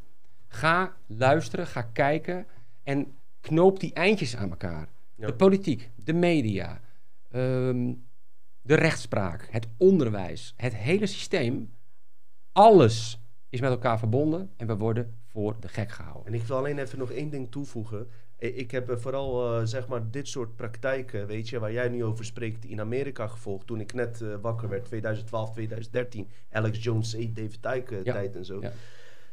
Wat er dus gebeurde ook, is dat eh, verschillende kinderen, onafhankelijk van elkaar, dezelfde namen verklaarden van politici en hooggeplaatste ambtenaren, die ze never nooit zouden kunnen kennen. Dino, Allemaal verklaringen waar niks mee werd gedaan. Ik kan je- Frustrerend. ik kan je vertellen, ik heb in de afgelopen eh, anderhalf jaar, heb ik behalve Esther en Aline, heb ik nog meer mensen gesproken. Slachtoffers. Mhm. Daar is nog niks mee gebeurd. Dat, dat, helaas is dat ook materiaal wat in de Welsmetstijd gemaakt is. Dus dat is niet meer mijn materiaal. Dat, dat, dat, dat is materiaal van Welsmets en die doen er niks mee. Ook ik heb ervaren dat mensen los van elkaar verhalen vertellen die gewoon... Zonder dat ze elkaar kennen. en Absoluut. Hey, Ja. eh, Dutch Matrix eh, staat in principe voor alles open. Eh, weet je, als, je, als die betreffende dame interesse heeft. Dat denk ik wel. Ik, ga- ik ga het haar vragen. Zij, zij, is een, ehm, zij is een moderne ridder. Mhm. Aline is tegen wil en dank, zoals ze zelf zegt, is jaren geleden in aanraking gekomen met Esther. Oké. Die klopte bij haar aan voor hulp. Normaal gesproken duurt een behandeling 20 sessies of zo. Zij zijn inmiddels vijf of zes jaar, ehm, ja, ik durf al te zeggen, zelfs bevriend geraakt. Ja, ja, dat heb Eh, ik ken de beide meiden inmiddels goed. Ehm, eh, ze hebben echt een speciaal plaatsje in mijn hart.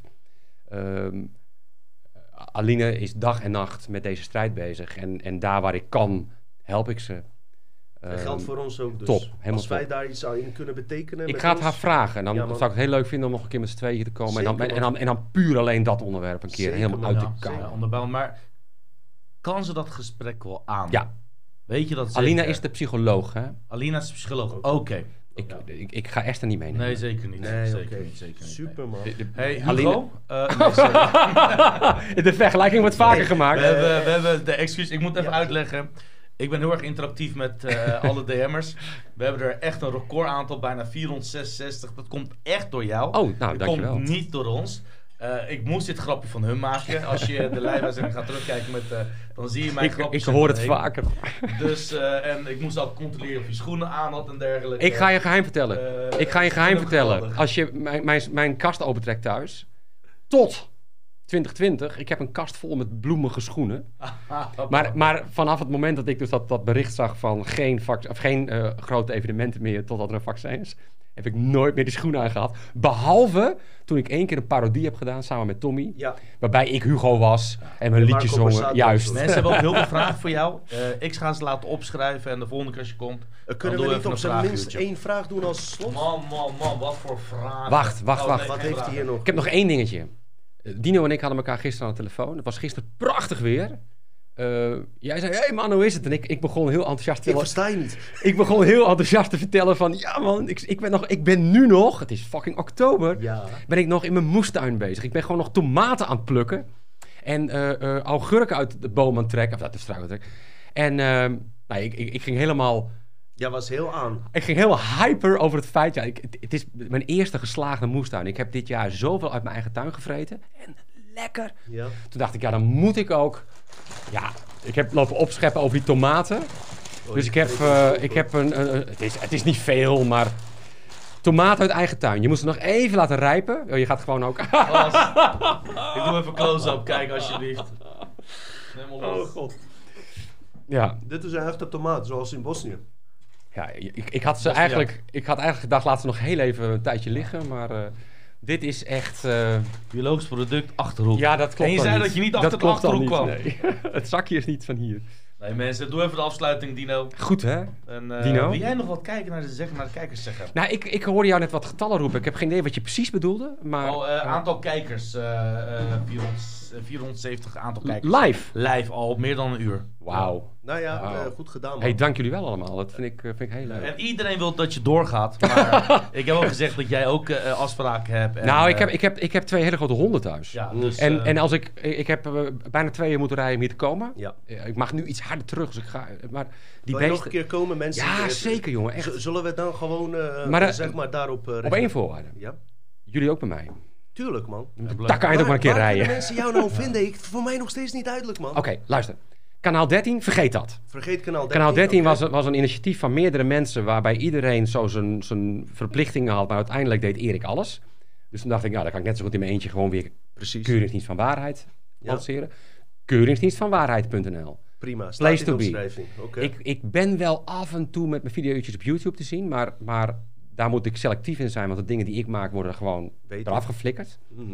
Dus keuringsdienstvanwaarheid.nl. En als je het leuk vindt om ehm, eh, en dat kanaal te steunen en om Big Tech in de bek te spugen, goodbyebigtech.nl. Zeker. En eh, ja, daar kan je alles vinden. Eh, mensen, eh, superleuk en bedankt voor het kijken. Ik ga straks nog even met Erik even overleggen en brainstormen... om volgende keer echt een wat gerichtere aflevering misschien te maken... met eh, de desbetreffende persoon als daar tegenover ja, voor open staat.